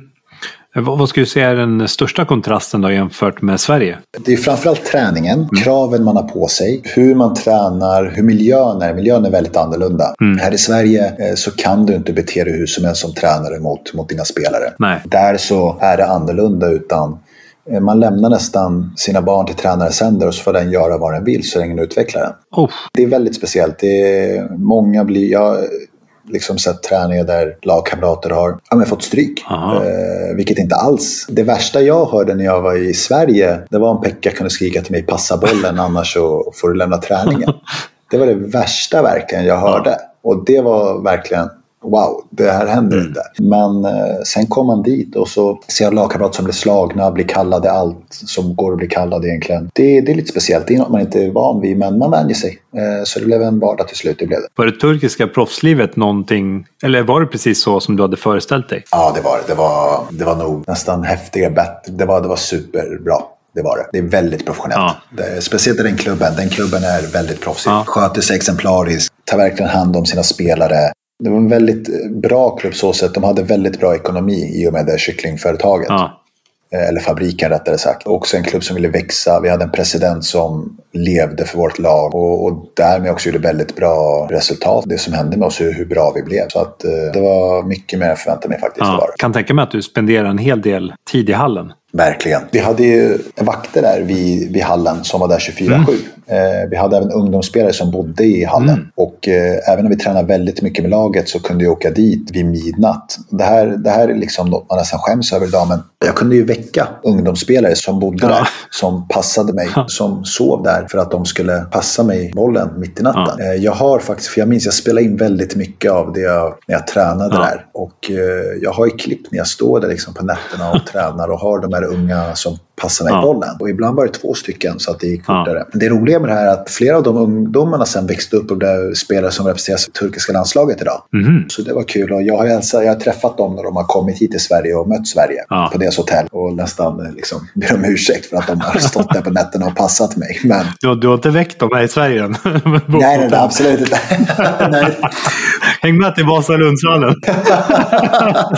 det, det hade inte riktigt funkat idag. Nej, jag fattar. Ja, på den tiden så var det så att de var ungdomsspelare och eh, såg upp till de äldre som var i A-laget ja. och, och, tyckte det var liksom kul. Och, och jag mm. uppskattade verkligen att jag fick liksom, de skottpassen. Så att, eh, det, mm. det var en stora grej att man, man kunde vara i hallen när man ville. Mm. Det var heller aldrig så att när träningen var slut att man måste ut för att någon ska komma efter. Utan hallen var verkligen vår. Så man mm. kunde stå kvar och ha en tränare som passade i bollen. Och när man är i sådana lag så har man ju flera tränare och då hade man alltid någon som passar en bollen, vilket är det stora lyxen när man skotttränar, att man bara kan stå och skjuta egentligen. Mm. Nu har det ju kommit skottmaskiner och allt möjligt som inte fanns på den tiden. Ja, men men, eh, men det tyckte jag absolut var lyx. Allt att tillgång till hallen, gymmet. Vi hade liksom ja, massörer, fystränare, allt möjligt. Ja. Så att det var doktorer som var med. Så det, det var väldigt proffsigt. Var det. det laget var väldigt proffsigt. Ja, det var väl även en av de här väkte som blev draftad av NBA 2012. Jag hade en, eh, en lag, eh, han, eh, han spelade med faktiskt, han var min roommate. Eh, han, eh, honom behövde jag inte väcka på natten för att han var min lagkamrat. Men han, eh, han blev faktiskt draftad, det, det är jättekul. Eh, Ja. Izzet Türkgül man ser att han blev draftad av Denver Nuggets. Ja, Eh, skrev även på liksom, jättestort kontrakt för Fenerbahce sen efteråt. ja okej. Vi, vi delade rum på bortamatcherna och tränade tillsammans. Ja, ja. Jag brukar säga den här historien att eh, han var 2,15, väldigt smal men ute på golvet. Efter mitt första år så åkte alla hem på semester men han och jag var tvungna att vara kvar i sex veckor. Då gjorde något de kallade en kur. Det var så att vi skulle gymma två gånger per dag. eh, Måndag, tisdag, en gång på onsdagen, två gånger torsdag, fredag och ledigt på helgen. Så vi skulle skjuta efter varje gympass. Och där gjorde han och jag ensamma med en fystränare i sex veckor. Vi hade till och med två fystränare, kommer jag ihåg nu. Ja. Eh, Och där var allt från kosttillskott till mat och allt var preppat för att vi skulle liksom bli starka och få en bra fysisk kropp. ja. Superhäftigt, väldigt bra resultat. Jag gick upp väldigt mycket och blev superstark. De, superstark ska vi inte säga, men starkare under de sex veckorna. ja.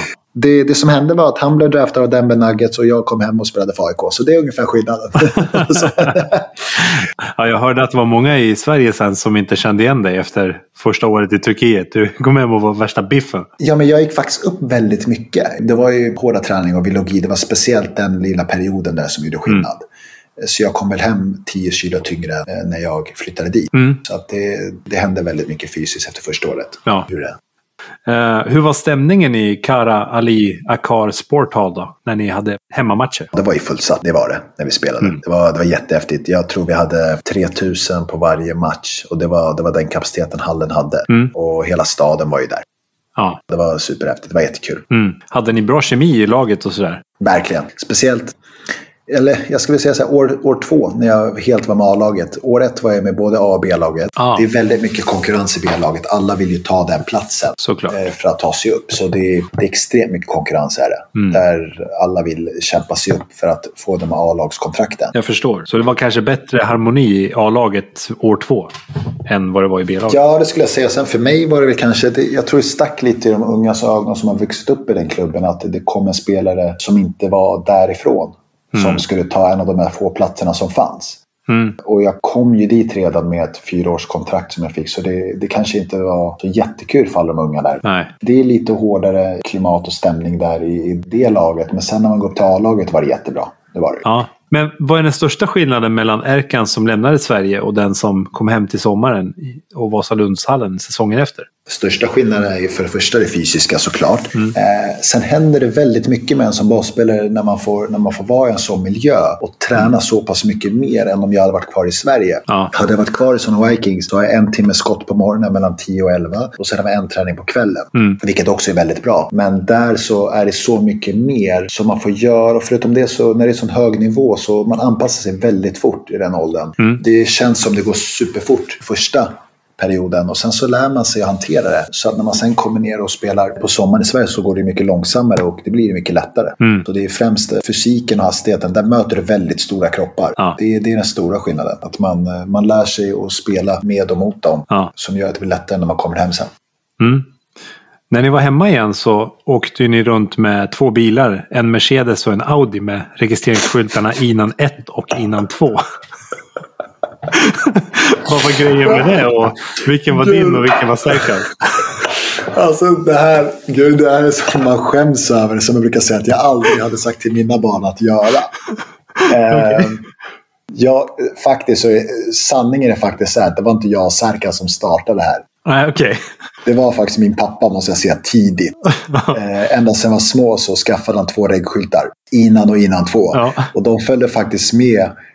Eh, få, ja, de följde faktiskt med så vi hade ju det på bilarna när vi var i Sverige. Ja, okej.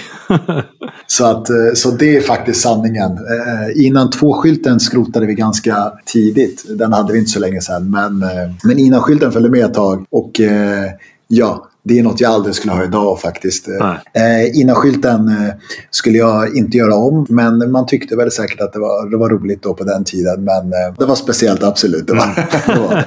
jag har faktiskt en fråga här från en kompis till dig som undrar om du har skaffat en ny bil där du inte bara kan öppna bakluckan utan också kan stänga bakluckan med på nyckeln. jag förstod inte vad de menade. Vad, vad menade de? Alltså, du, du hade ju en nyckel förut där du kunde öppna ja. bakluckan.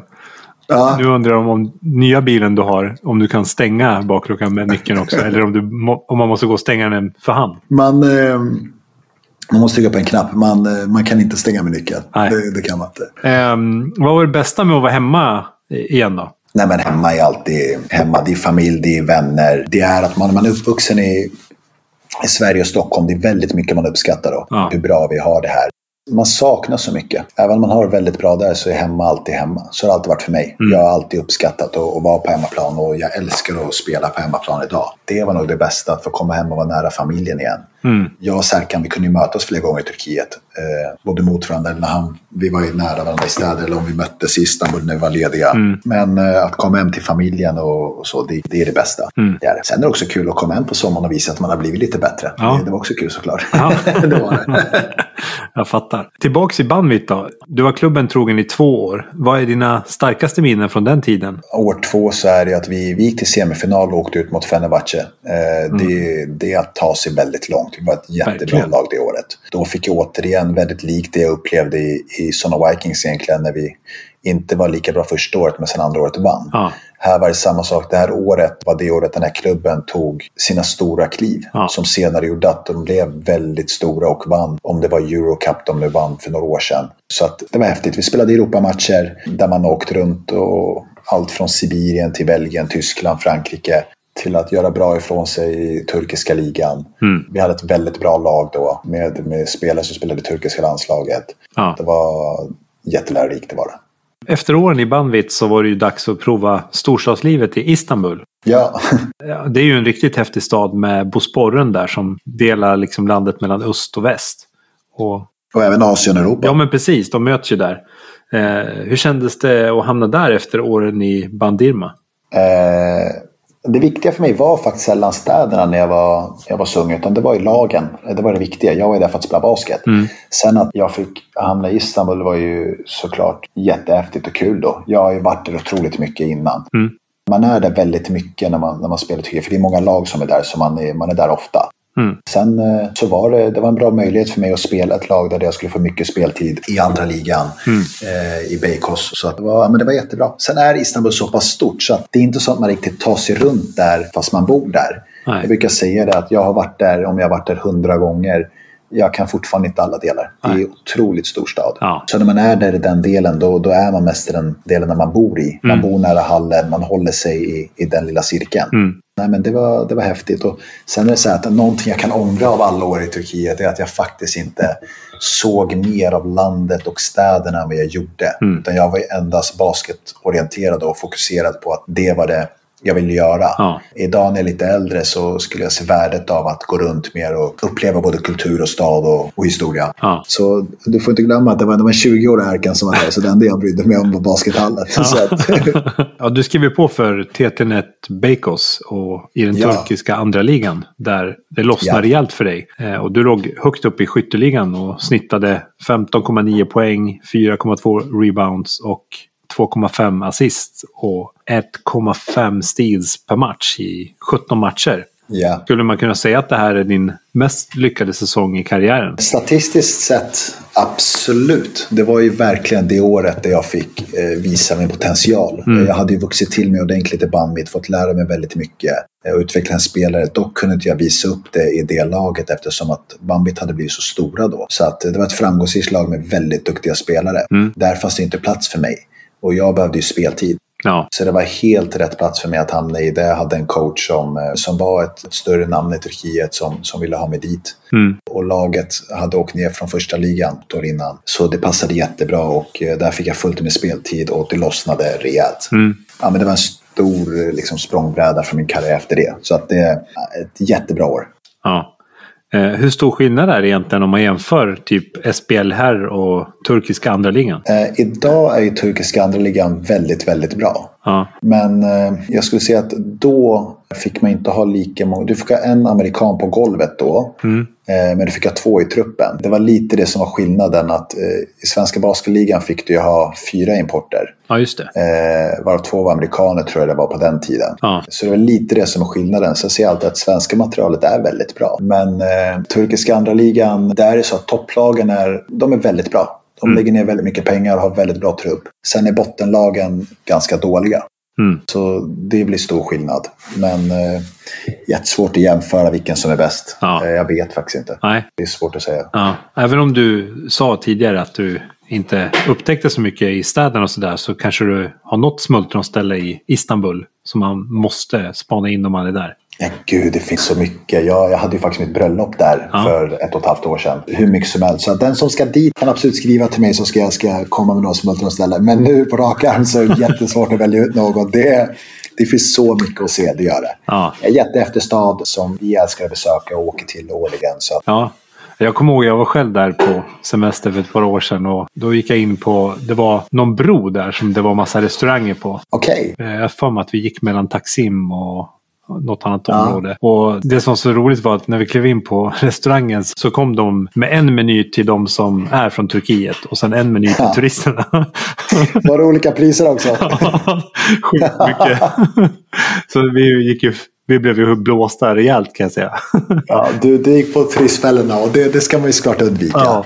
eh, sen är det roligt där att eh, de tycker väl inte att riktigt jag ser ut som en turk i Turkiet. Nej, okej. Eh, så att det är många som pratar engelska med mig också. Mm. Och där har jag faktiskt spelat vidare på det för att man pratat engelska och sen, sen när jag kommer till priset så ger de ett pris och sen brukar jag prata turkiska och säga okej men nu, nu, nu är jag från Turkiet, vad, vad, är, vad är det turkiska priset? Och då blir det alltid så här, jaha men varför sa du inte att du var turk? Det är klart vi ska hjälpa dig. Och så liksom hjälpa till. Så att jag förstår verkligen vad du, vad du pratar om där när du fick en helt annan meny. ja, roligt. Ja, verkligen. Men den här klubben som du spelade för då eh, det här året, det var ju som jag förstår på den asiatiska sidan av staden. Ja. Jag var ju mest i den europeiska, men eh, hur, hur är den asiatiska? Och där går det liksom delade meningar om eh, vilken sida man tycker är bäst. Eh, kollar man på asiatiska så är det den delen där egentligen Fenerbahce ligger som eh, heter Kadıköy som de flesta uppskattar. Mm. Kollar man på europeiska sidan så är det Besiktas-hållet som, som det är lite drag i. Nishantashi finns som heter som är motsvarigheten till med Östermalm i Stockholm. Mm. Så att båda har liksom sina delar. Asiatiska sidan har mycket grönområden där även Bejkost och jag bodde Mm. eh, låg. Så det är lite vad man är ute efter. Men ja, det är jättesvårt att säga vilken som, som är bäst. Det är Mm. lite vad man, vad man behöver. Ja. Eh, jag tänkte, du, du nämnde också där att du var uttagen till U20-landslaget för Turkiet. Men Ja. du var ju även och spelade U18-landslaget med Sverige.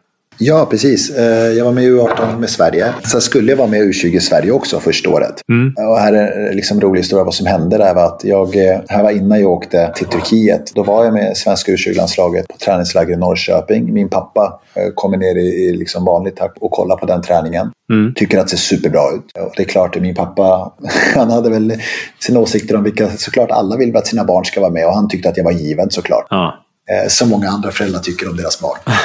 Sen så ja, men pratade med tränaren och det lät klart liksom som att jag skulle vara med där och spela EM för, Mm. för Sverige i 88-89 årskullen där. Mm. Sen så ringde de mig någon vecka senare och sa att det här ser superbra ut, liksom, gör dig redo. Sen så minns jag att vi åkte ner till Turkiet utan att berätta för någon, jag och min pappa, att vi skulle liksom, gå på träningsläger med, med, med turkiska U20-landslaget. Mm. Jag minns att vi landade och skulle checka in på hotellet. Och så ringde en av tränarna mig och berättade att imorgon skulle 24, truppen på 24 spelare komma ut, FIBA-listan då, för Mm. de som får vara med. Ja, jag skulle vara med där, men jag var inte kallad till nästa läger där 12 eller om det är 14 spelare är med. Mm. Eh, och för mig liksom var det ingen jag, jag sa liksom, ja super, jag förstår. Jag får träna vidare och hoppas jag blir kallad på nästa. Och så stängde jag av där. Mm. Så jag minns att min pappa direkt sa, vad var det där för något? sa han. Då, då berättade jag, nej men jag kom inte med. Då sa han direkt så här, ge mig telefonen.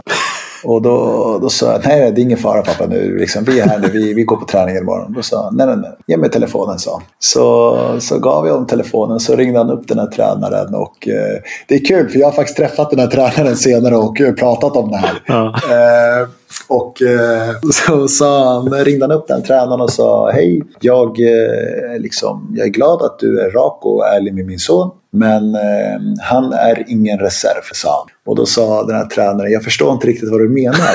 Och då sa han, du förstår precis vad jag menar. Och då sa han så här, ni får inte använda hans namn igen. Så ta bort honom. Den här listan imorgon med 24 namn, den ska vara 23. så så han, eh, han var väldigt rak där och eh, sa att eh, jag inte skulle vara med. Mm. Vilket gjorde att jag sen inte faktiskt var med heller i U20 när min ålder var inne året efter också. Ah. Men jag var faktiskt aktuell för turkiska U20 det året också. Ah. Så att eh, det var lite den linjen vi gick på. Mm. Eh, tills jag blev kallad till eh, svenska A-landslaget. Då gjorde min pappa fred med, med de som var ansvariga. Så att, eh, han, var, han var lite hårdare, det var ja. Men vilka var det som var med där? Jag tänker 88-89 årgången. Jeffrey Taylor lär ju ha varit med. Eh, han var med, det var ja. uh, Han var ju faktiskt inte med på lägren då eftersom att han spelade i USA. Ja, just det. Han var ju på high school. school så han var inte med på lägren. Mm. Utan det var ju ja, men, det var Brandon Barton, Christian Kutras, Jamir hade Anton vi. Sachs kanske? Anton Sachs var med, såklart. Anton Gaddefors är väl 89? Han var, han var med. Ja. Tror jag. Sen minns jag inte om han var med i den, den omgången. Dino Pita. Ja. det var ett ja.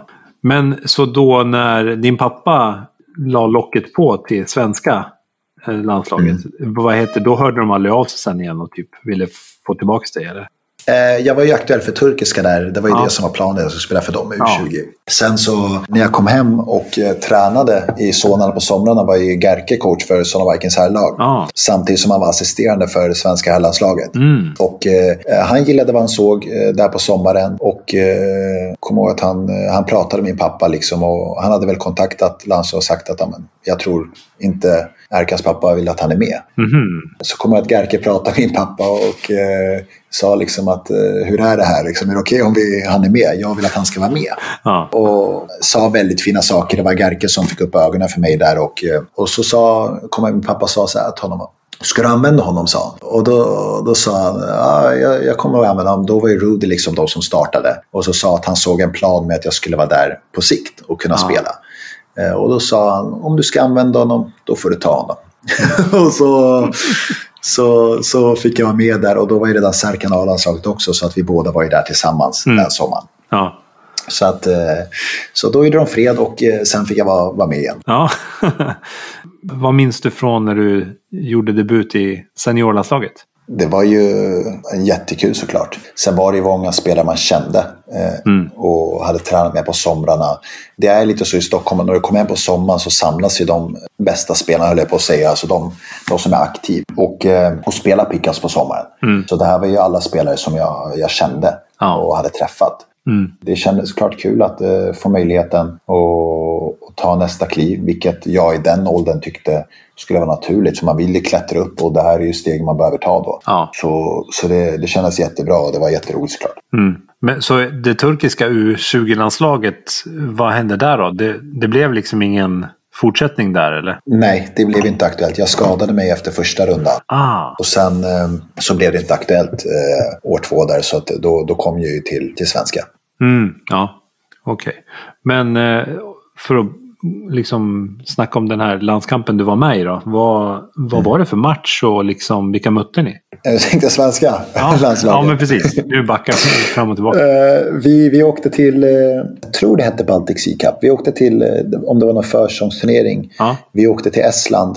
Mm och eh, skulle möta Estland och eh, var det Finland andra matchen. Nu spelade faktiskt bara första för vi blev faktiskt magsjuka, flera ah. av spelarna i både svenska och estländska landslaget som mm. bodde på samma hotell. Ah, okay. Så både jag och min bror var på, sjuk, eh, var på rummet magsjuka. Så hade vi några fler i laget som var magsjuka.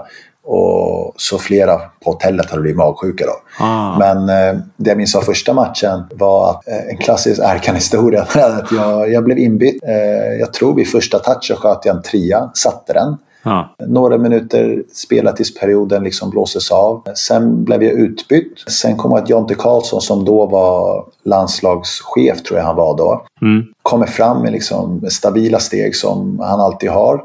Eh, sträcker fram armen och säger Erkan, grattis! 303 första, men absolut inte dina tre sista landslagspoäng. Och det roliga här är att det var ju både mina första och sista. Det var den matchen jag spelade. Ja, men så det är en rolig historia, det är det också. Ja, verkligen. Eh, Så det, det, var, det var en kort stint absolut. Och det vi, fortsättningen där var att vi, vi blev magsjuka, flera stycken. Så vi fick åka, åka hem därifrån. Jag och Serkan båda åkte hem och fortsatte inte sen. Så det var, det var den resan. Ja. Efter din bästa säsong i Turkiet så fick du ett kontrakt med Trabzonspor som var en klubb i högsta ligan och staden Trabzon som ligger nära georgiska gränsen i nordöstra Turkiet. Ja. Hur gick det till när du signade med dem? Efter jag hade det där bra året, när jag var toppen av skytteligan, så fick jag faktiskt jättemånga kontraktförslag. Ja. Jag hade fem stycken från första ligan och så hade jag alla lag i andra ligan. Eh, Mm. Och det var verkligen, vissa kontrakt var öppna där det var så här, fyll i själv Mm. vad ni tänker er för, för summa. Så det var, det var superbra förutsättningar den sommaren. Mm. Och eh, jag valde faktiskt att skriva på först med ett lag som heter Oyak Renault som hade gått ner från första ligan till andra ligan. Ja, okej. Där vi gjorde ett eh, treårigt kontrakt där de hade plan på att gå upp igen i första ligan. Mm. Så att jag både skulle få speltid och på sikt vara i första ligan. Men eh, tio dagar efter jag kom dit, när vi hade börjat förstången, så väldigt märkligt så dog deras ekonomiansvarige i en bilolycka. Oh. Eh, när han gick bort så, det här är ju Renault-bilarnas eh, fabrik vi tränar ju också då. Eh, det var därför de hette Oyak Renault. Mm. Renault-gruppen som gick in med pengar i basketlaget. Ja. När han gick bort så började de ju kolla, eh, ja, men vart har pengarna tagit vägen? Ja, Okej. Då märkte de att det saknades ja, men, miljontals dollar. Oh. Och eh, då valde de direkt att stänga ner hela basketsektionen. För att eh, han hade förskingrat pengar då. Ja. Och i och med det så, så stängdes klubben ner. Och då stod man där i augusti efter att fått alla förslag men tackat nej till dem utan kontrakt. Mm. Eh, och då åkte den tränaren och fick jobb i Trabzon i första ligan och tog med mig. Så Ah, att, okej. eh, då hamnade jag där i, i första ligan. Så att, eh, det var samma år som det var NBA lockout och alla spelare egentligen Mm. rörde sig mot Turkiet. ja, just det. Då det var en liga då som var väldigt välbetald så att många spelare valde att gå dit när det var NBA lockout. Ja. Bland annat när Darren Williams var där. ja, men precis. Hade de spannat in Erkan Inan så amazing på YouTube? Eller vad tror du? det, tror jag, det tror jag inte de hade gjort. Nej. Det tror jag inte. Jag var nog inte på någons radar där. Men det var kul. Det var också ett, det var ett lag som passade mig bra för att de var i första ligan vilket gör att man får det motståndet. Men samtidigt så var det, det var ett lag som inte hade lika många stjärnor. Nej. Så att det fanns ju utrymme att eh, kunna få speltid där, vilket var lite det jag letade efter. Ja, men precis. Och det måste varit väldigt kul, kan jag tänka, just den säsongen att spela i första ligan då. När det var mycket NHL-stjärnor liksom. Ja, verkligen. NHL-stjärna var det inte, det var NBA-stjärna. Nej, vilken tur.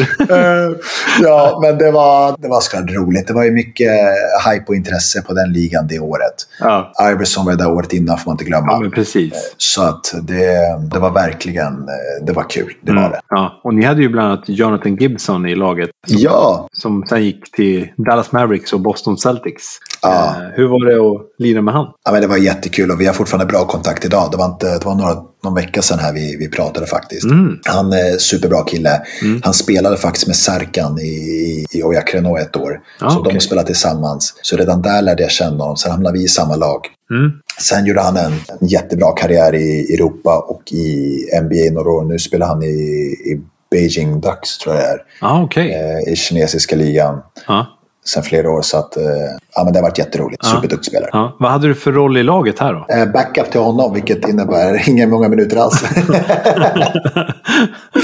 Ja. Eh, nej, men jag, eh, jag var ju, skulle vara backup shooting guard var ju planen. Mm. Men eh, han spelade ju 38 av 40 minuter då han Mm. var en stjärnspelare verkligen. Så det var att utmana honom på träningarna och få vara i den miljön återigen. Under NBA-lockouten 2011 så fick ju du även chansen att garda Deron Williams när han spelade för Besiktas. Ja. Kan, du berätta lite om det? Det roliga faktiskt är också att jag hade faktiskt förfrågan att vara med i det laget faktiskt det året. Aha, oj. Eh, men eh, som sista man då, så jag skulle vara garanterat inte få någon speltid. För de var också, det var ett stjärnspäckat lag. Mm. Så det var, det var en av de lagen där som jag hade möjlighet att gå till på försäsongen. Ja. Där Ergin Ataman som är idag coach för Anadolu FS Mm. eh, och turkiska landslaget var tränare för. Mhm. Han har faktiskt varit och ätit på min familjs restaurang som vi hade också. Oj. Min pappa kände honom lite grann så, att där, så det var den vägen. Men det var, det var också det var en sidospår där. Han hejade på Fenerbahce i smyg eller? Ja, precis. Som svar på din fråga där hur det var att möta Darren Williams. Så eh, nej, men det är klart, det var häftigt. han var ju en av de bästa guardsen i NBA då under den tiden. Och det var en stor grej att han kom och, och spelade i Europa. Mm. Vi mötte dem den första matchen i turkiska kuppen Mm. och första för honom också. Det var en tv-match. Mm. Och det var ju jättestor hype att, att han skulle spela. Mm. Och jag minns att jag hade pratat med Serkan innan och kände att om jag får en möjlighet att han håller mig Mm. i någon matchen, då, då skjuter jag. Bara för att liksom få sagt att jag har gjort poäng på honom. Sen, eh, verkligheten var ju inte så. Det var ju något helt annat som hände. Ja.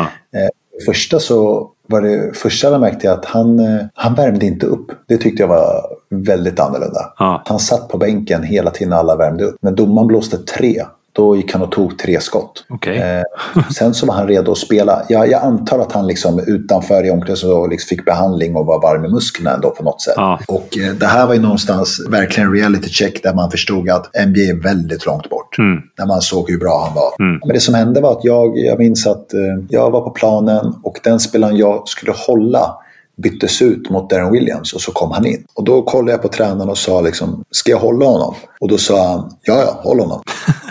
och då tyckte jag, nej men gud, jag har aldrig varit liksom någon försvarsspecialist. Jag bara, jag måste dubbelkolla, han hörde nog inte vad jag sa. Ja. Så gick jag tränaren igen under straffkast och sa, du, det är Darren Williams, ska jag hålla honom? Och då sa han, ja, håll honom, håll honom, inga problem. Och så tänkte jag, okej, men då kör vi liksom. Så minns jag att här behöver jag visa att jag inte är ung och, och liksom svag och, och rädd för honom, vilket han ska fatta att jag var. Ja. Så att när, när han joggar upp så minns jag att jag, jag joggar baklänges, men jag bromsar upp där för att krocka med honom lite med flit för att visa att jag, jag ger det lite fysiskt motstånd. Ja. Och det var det största misstag jag gjorde. För direkt när han fick den smällen så blev han lite irriterad och vände sig mot garden och sa spela det här spelet. Och visade upp två fingrar. Och det var ett spel för honom. Och direkt när han fick bollen blåste han ju förbi mig såklart. Jag blev foulad gick till straffkastlinjen. Där byttes jag ut direkt. För att jag inte kunde hålla honom. Nej. Och eh, det första jag tänkte när jag kom till bänken var att ja, men hade jag kunnat hålla honom så hade jag inte spelat här. Jag hade spelat någon annanstans också. Ja. Ingen kunde ju hålla honom. Nej. Nästa person som försökte hålla honom blev också utbytt för att han inte klarade det. Nej. Eh, så det var ju det var, det var en kort historia där, men eh, det var min lilla tid jag hade mot honom. Mm. Det var att jag, eh, jag försökte stå emot med en knuff och, eh, och fick betala priset för det. Ja. ja, det sjuka är ju att han var ju bara där i typ tre månader och spelade tolv matcher för laget. Och sen valde de att pensionera hans tröja. Ja, men det var väl när NBA-lockouten var över så, så åkte han tillbaka. ja, men precis. Mm. Jag tänker ändå så här, Allen Iverson var ju ändå där en hel säsong. Men hans tröja har de Ja. pensionerat vad jag vet.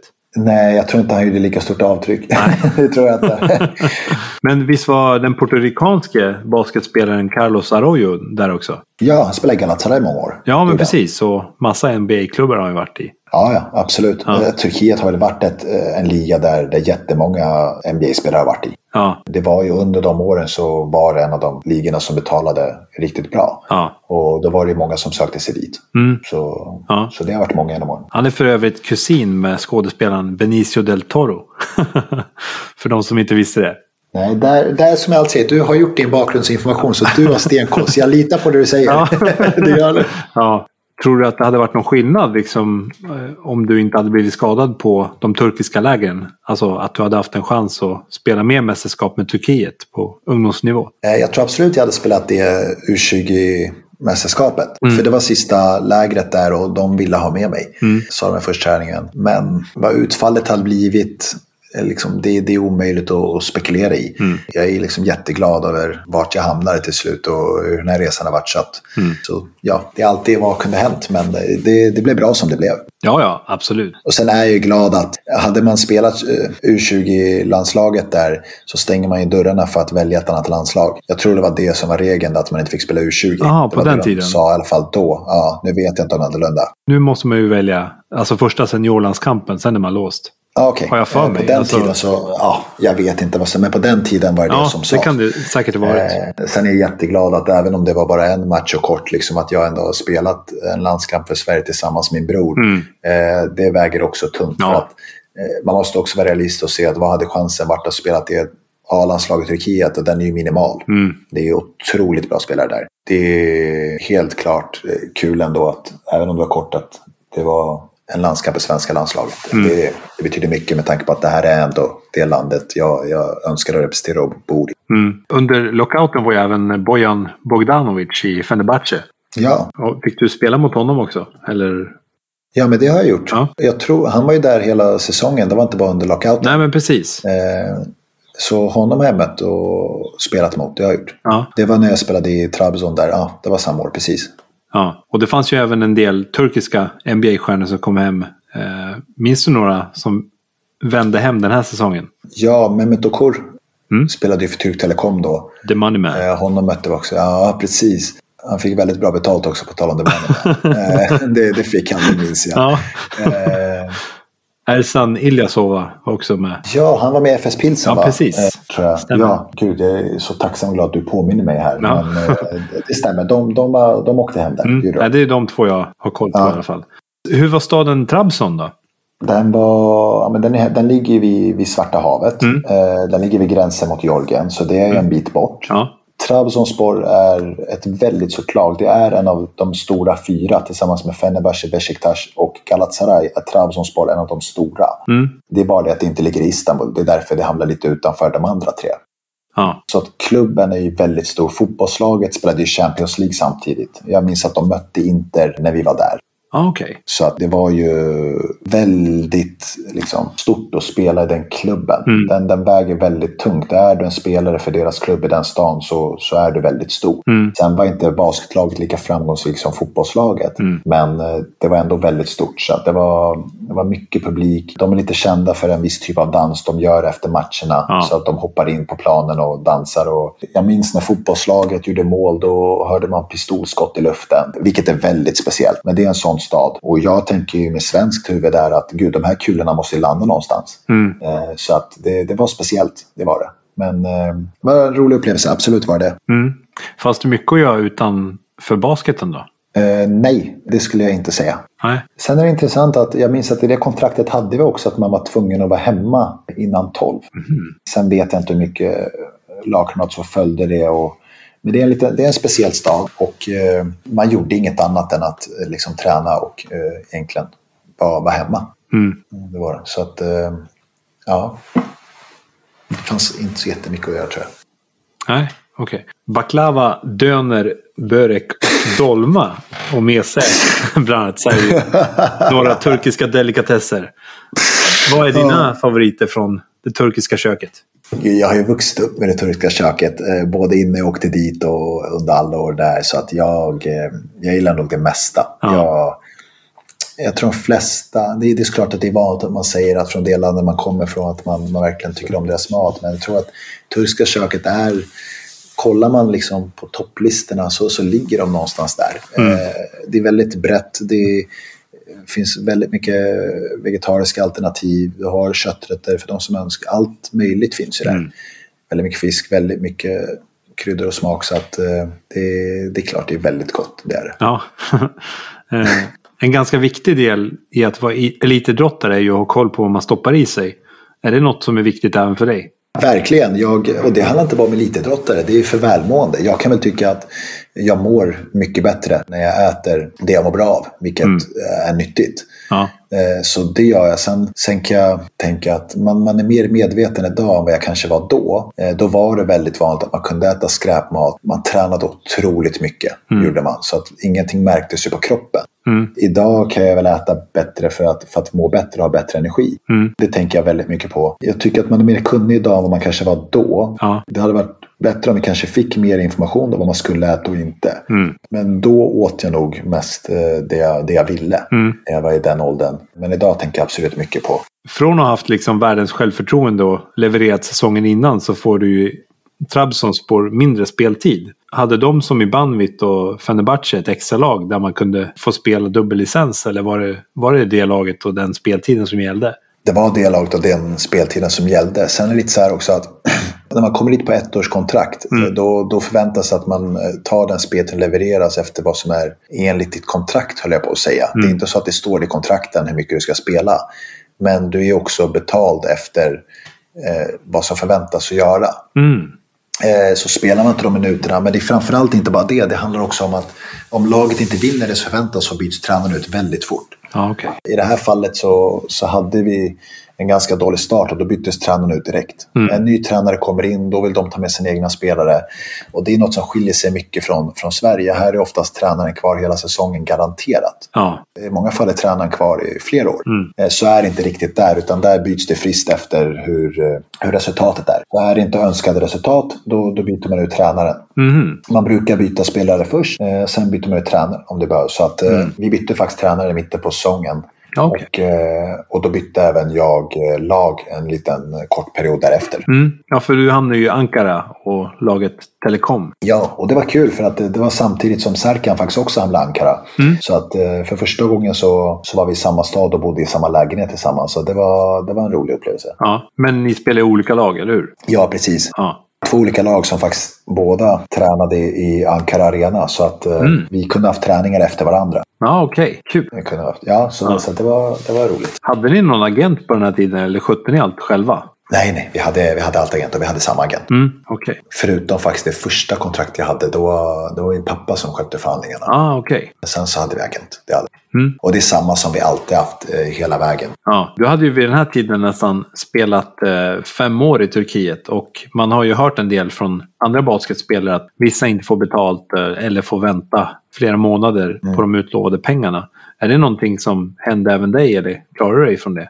Jag klarade mig faktiskt. Jag var i, i bra klubbar som faktiskt eh, betalade ut i tid och allting. Mm. Så jag hade inte det problemet. Men jag har ju hört massa historier från Särkan där, där de inte fick betalt. Där det var, jag tror han hade nio månadslöner inne på något ställe. Mm. Sen fick han ju tillbaka allting plus ränta om det var två år senare. Så att um, han fick ju ett slut. Men det, det, är absolut många klubbar som inte har skött sig. Mm. Och där tror jag många, de har väl det ryktet och man vet om det när man går dit. Så att uh, nej, det, det, det problemet har jag inte haft. Mm. Så att det har varit skönt. Ja, jag tänkte, du sa ju också innan att du hade bara ba basketfokus liksom när du var i dina städer och så. Men den här säsongen hade du ändå brorsan med. Vad, vad, gjorde det någon skillnad i att ni upptäckte mer tillsammans och att han drog med dig på grejer och sådär? Eller? Inte med staden, utan man lever nog samma, samma liv. Det är basket, det är hem och vila, äta mm. och sen är det träningar igen. Ah, okay. eh, det som var kul det var att vi delade lägenhet tillsammans. Vi, vi kollade på NBA-matcher tillsammans.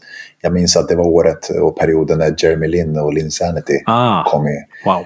Och, så det var ju kul och sen eh, liksom, man spelar tv-spel tillsammans, man går ut och äter tillsammans. Det var sånt vi gjorde då. Mm. Eh, jag tror vi båda var för unga för att förstå värdet av att upptäcka städer. Ja. Hade jag idag varit i en stad hade jag inte suttit liksom, inne och kollat på tv utan då hade jag velat upptäcka och, och uppleva saker. Så mm.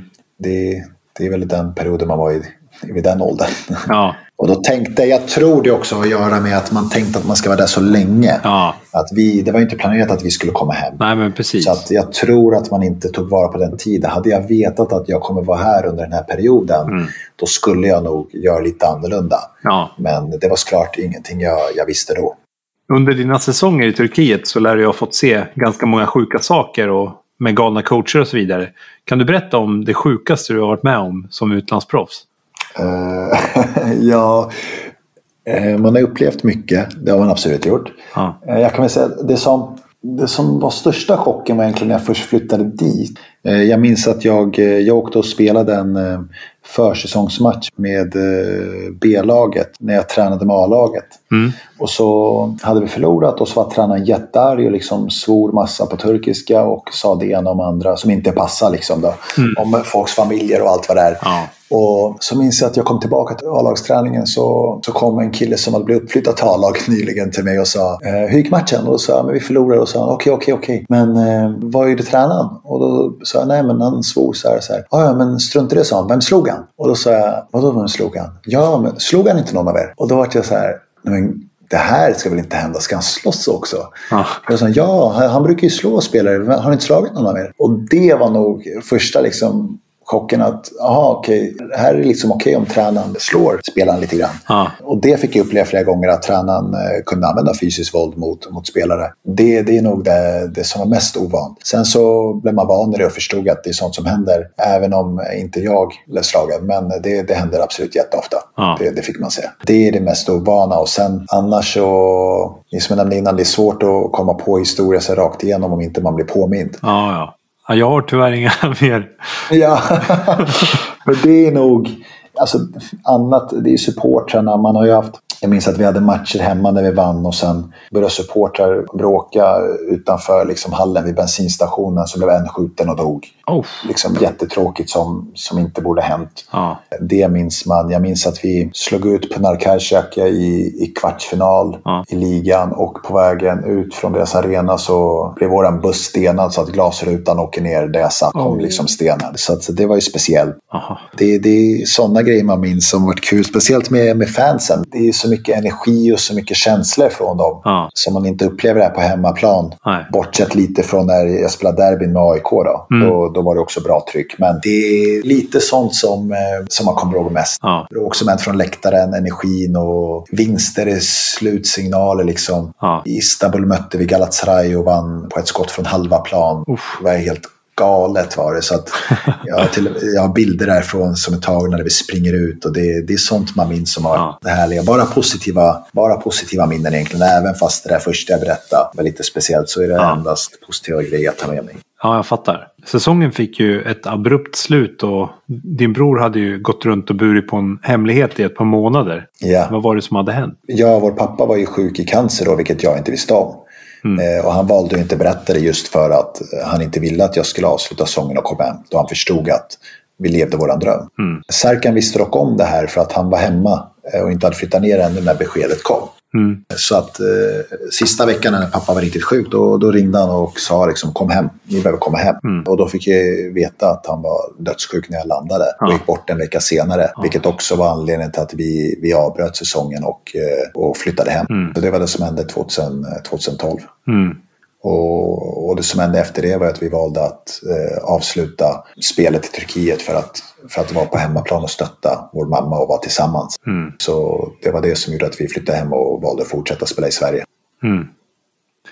Jag förstår. Eh, jag kan knappt föreställa mig hur det känns att förlora en förälder och sådär. Samtidigt är jag, eh, det är klart det är en jättetråkigt och en jättestor sorg, men jag är otroligt tacksam över den tiden jag haft och det stödet jag har fått. Och det tror jag de flesta liksom, som är nära mig förstår att jag, jag lever med, med den här situationen lever med väldigt mycket tacksamhet. Jag är superglad att jag haft den pappan jag haft Mm. som en stor anledning till, till den resan jag har fått göra. Alltså det stödet och, och allt vad det har varit. Så att eh, jag brukar säga det att jag hade min pappa i 22 år men jag hade verkligen en pappa som var där helhjärtat hela, hela tiden. Mm. Och det hade jag valt alla dagar före om jag hade haft honom hela mitt liv men helt som inte är närvarande. Mm. Så att jag är jättetacksam och jätteglad över det och med det sagt så, så är det, jag har bara bra minnen med det. Mm. Det, det är så jag har liksom gått vidare. Så att det, ja, det var en del av livet där. Mm. Ja, det känns ju som att både du och din bror tog helt rätt beslut där och då. Jag måste ju säga att jag är glad att ni litar på er magkänsla. Ja, nej, men det var självklart för oss. Det var det. Och även om man inte tror det så finns det ju viktigare saker än bara basket.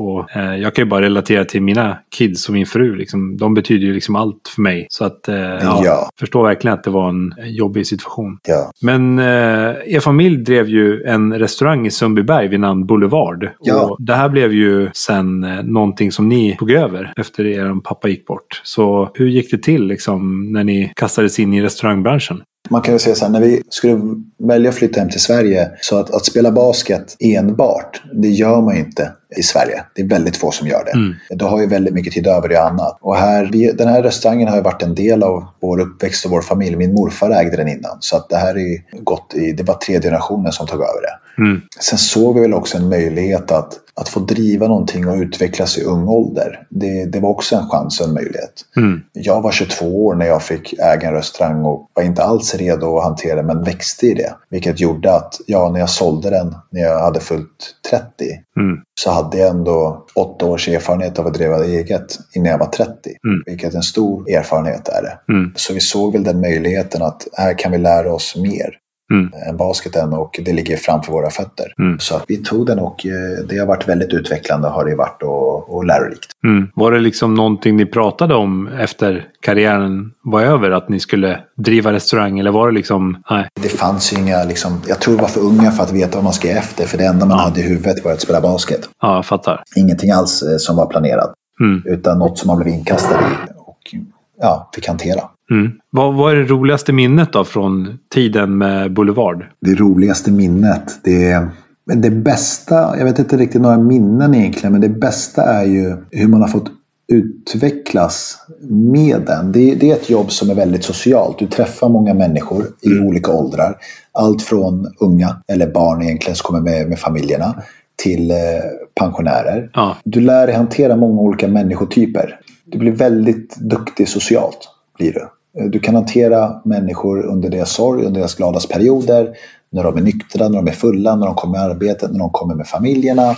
För min del har det varit eh, jättelärorikt att eh, just det sociala. Mm. Jag kan väl inte påstå att jag har liksom drivits av att leverera god mat och eh, bygga det vidare. Nej. Att få det att vara en miljö där folk trivs och har roligt mm. har varit något som jag tyckte var jättekul och som tror jag har eh, hjälpt mig att utvecklas som person just på det sociala, vilket jag tycker att jag har väldigt lätt för idag som hjälpt mig i mitt nuvarande yrke. Mm. Så att eh, det har varit det bästa med det. det, har det varit. Sen är det också att, att man, man tillåts göra misstag mm. i en ung ålder som att det är ens egna. När jag och Sergej gjorde misstag där som vi fick lära oss av, som var jätterika, var det ingen som egentligen kastade ut oss. Och det, det är en väldigt lyx att ha det så. Mm. Så det var jättelärorikt. Ja. Och det, det, är också en period när mellan 22 och 30 för mig när man utvecklas också som person när man går från att fortfarande vara en ungdom till att bli mer av en vuxen man. Mm. Så har det varit, ja, men det har varit häftigt att göra den här resan. Mm. Du skrev ju på för 08 Stockholm Human Rights och sådär när du kom hem till Sverige. Ja. Hur var det att spela på svensk mark igen? Ja, det var jättekul. Det, det var ju...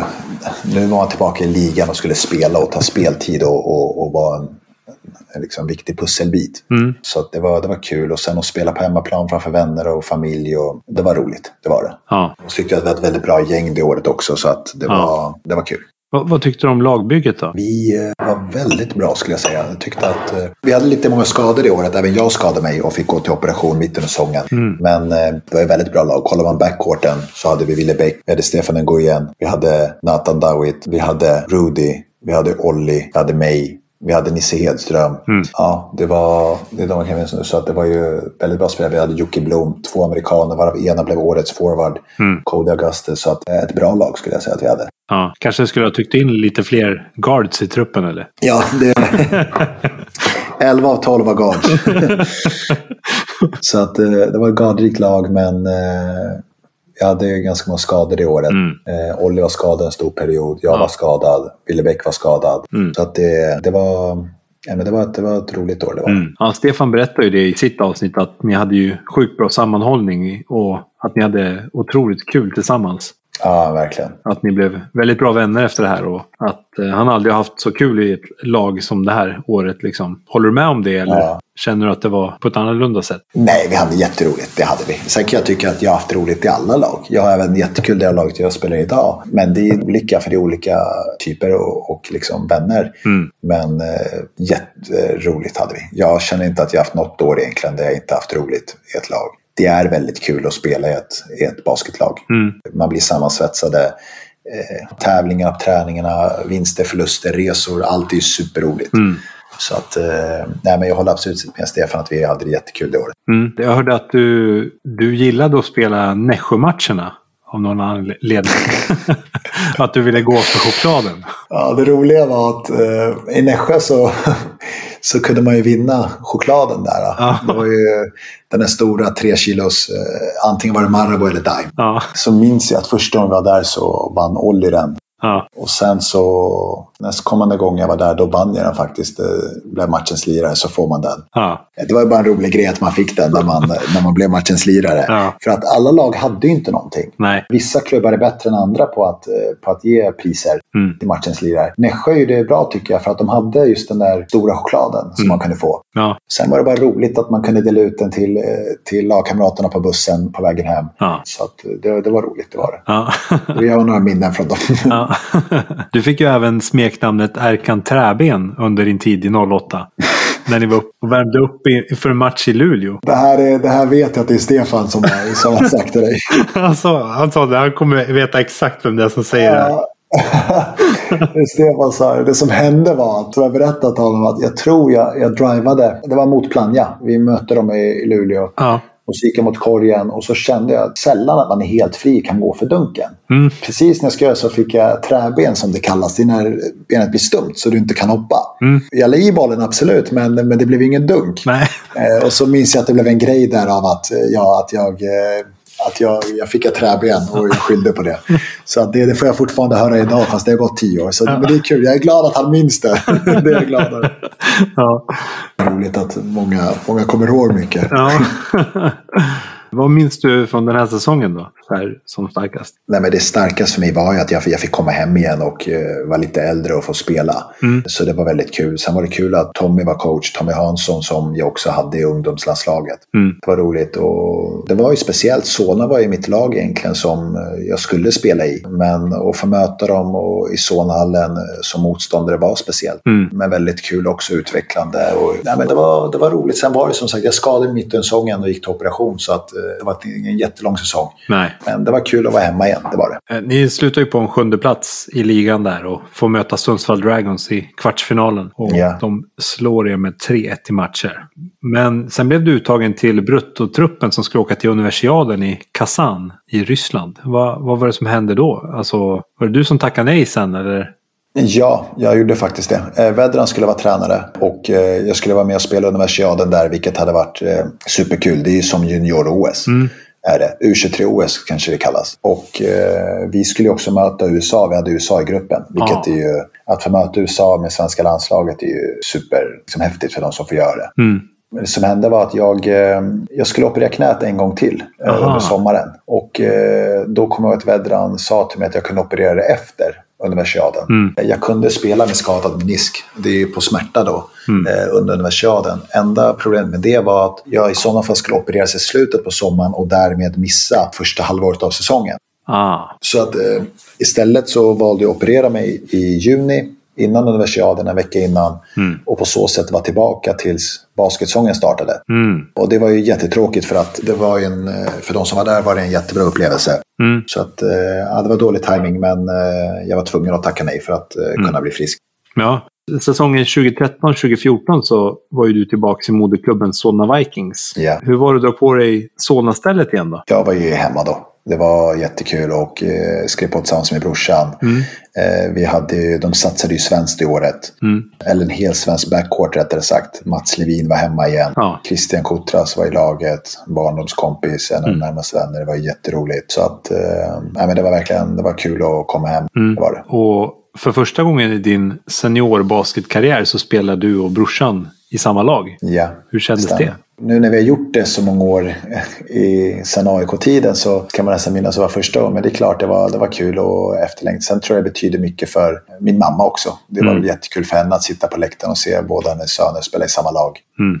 Så att, eh, men det var roligt. Och det var hem för båda. Det var Ja, det. ju. det var väl många som kom och käkade på er restaurang då under den här säsongen? Va? Ja, vi hade, Sponsra. vi hade, vi hade, ja, vi hade en, en deal där att, eh, att laget skulle ju äta. Eh, både här och damlaget skulle äta varje lunch Ah. på restaurangen. Sen hade vi under många år att ja, de borta lagen som hade spelat liksom i, i Solnahallen kom åt hos oss innan de åkte hem. För vi låg ju nära Solnahallen.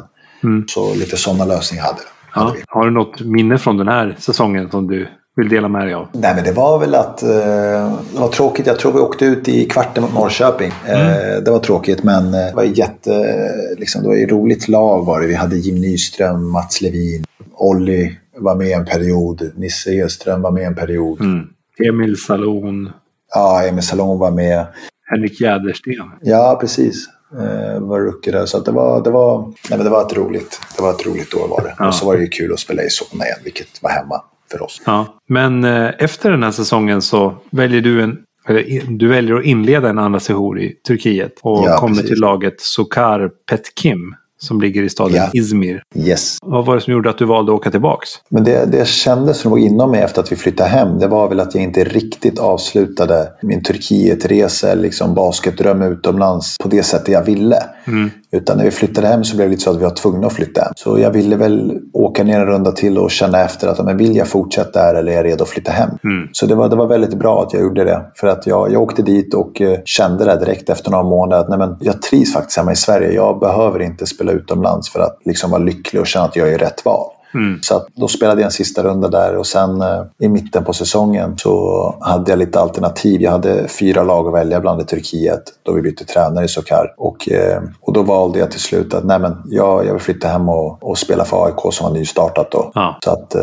det var det sista kapitlet Ja. basketmässigt. Det började ju ganska bra för dig och du fick ju rätt mycket speltid. Ja, men det gick väldigt bra skulle jag säga. Alltså, nu har jag inte exakt statistik nu, men jag, på få minuter jag spelade, jag tror en period jag spelade runt om det var 13-14 minuter i snitt, så, Mm. så snittade jag 7,8 poäng där. Sen kanske det föll i slutet, jag Mm. minns inte exakt, men det var liksom den perioden jag var där. Mm. Så det gick ju bra på den speltiden jag hade. Mm. Så det är också en liga att jag har spelat i, kände många spelare, så att jag, jag var ju väldigt hemma där. Ja. Men kände att nu hade jag blivit lite äldre också och ville vara hemma. Mm. Så att eh, det, det, var, det var det sista jag gjorde där.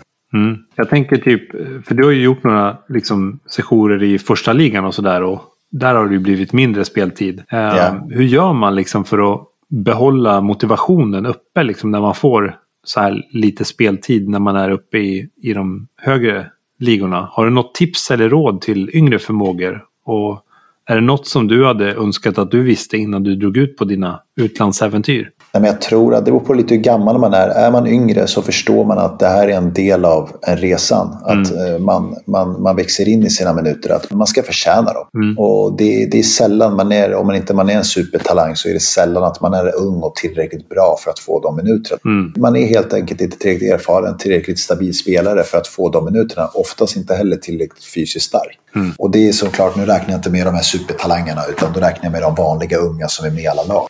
Mm. Det ingår någonstans i resan att man får kämpa för sina minuter och göra sig förtjänt av dem.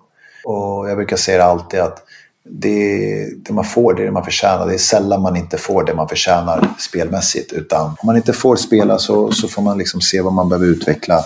Och vissa grejer som erfarenhet som gör stor skillnad i idrott, det, det kommer med åren. Mm. Och det kan jag uppleva idag. Basket är lättare än någonsin för mig idag. Men det är för att jag har spelat så pass mycket och upplevt så pass mycket situationer på en basketplan. Ja. Att man kan förutse vad som kommer. Mm. Och med det sagt, det gör inget om jag skulle spela lite skadad idag eller inte. Mm. Jag behöver inte ge samma energi på planen för att åstadkomma lika mycket. Nej. Så det är skillnad, erfarenhet gör skillnad och det kan man inte ha när man är ung. Utan det Nej. kommer ju med, med misstag och, och tid. Mm. Men ett tips borde ju kunna vara att man letar efter ett kontrakt med dubbellicens. Ja, det har varit fantastiska lösningar. Har det, varit. Ja. Det kan man ju få när man är ung bara. Så det är väl första åren där. Mm. Okej. Eh, Men det är klart, jag skulle säga till många, jag tror väldigt mycket på det här i allt egentligen. Alltså det viktiga är inte liksom siffran står på kontraktet. Det är klart, eh, till en viss del. Ja. Men med framgång kommer allt annat också.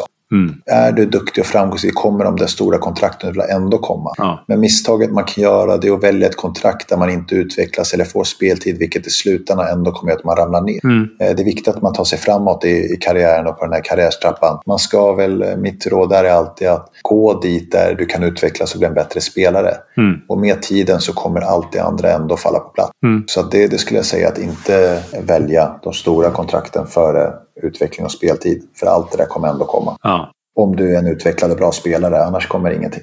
Nej, precis. Men du väljer ju som sagt att lämna Turkiet och skriva på för division 2-klubben AIK Basket. Ja. Eh, och om man tänker på det så är det ganska stor uppoffring att liksom lägga proffskarriären åt sidan och komma hem till en klubb som spelar i svenska division 2. Som egentligen är tredje divisionen i Sverige. Hur, Ja. hur resonerar du när du skrev på för AIK? Det man inte får glömma är att när vi skrev på för AIK så skrev vi på för AIK och inte för ett lag som spelar i division 3 där som blev division 2 hette det ju då. Mm. Jag tror en stor skillnad som man behöver förstå där att, att spela för AIK känns som, det är en stor klubb. Det är, ett, det är ett helt annat varumärke än någon annan klubb.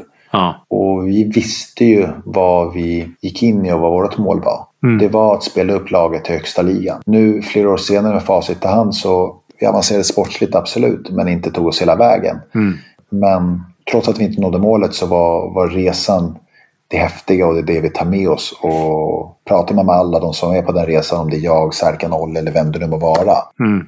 så är vi jätteglada att vi gjort den resan och jag tror de flesta av oss upplever som det var en av de bästa tiderna i våra karriärer. Mm. Trots sportslig nivå. Okej. Så det är lite speciellt och svårt att förklara men eh, det, det kändes jättebra att komma hem trots nivå. Det gjorde det. Mm, jag förstår.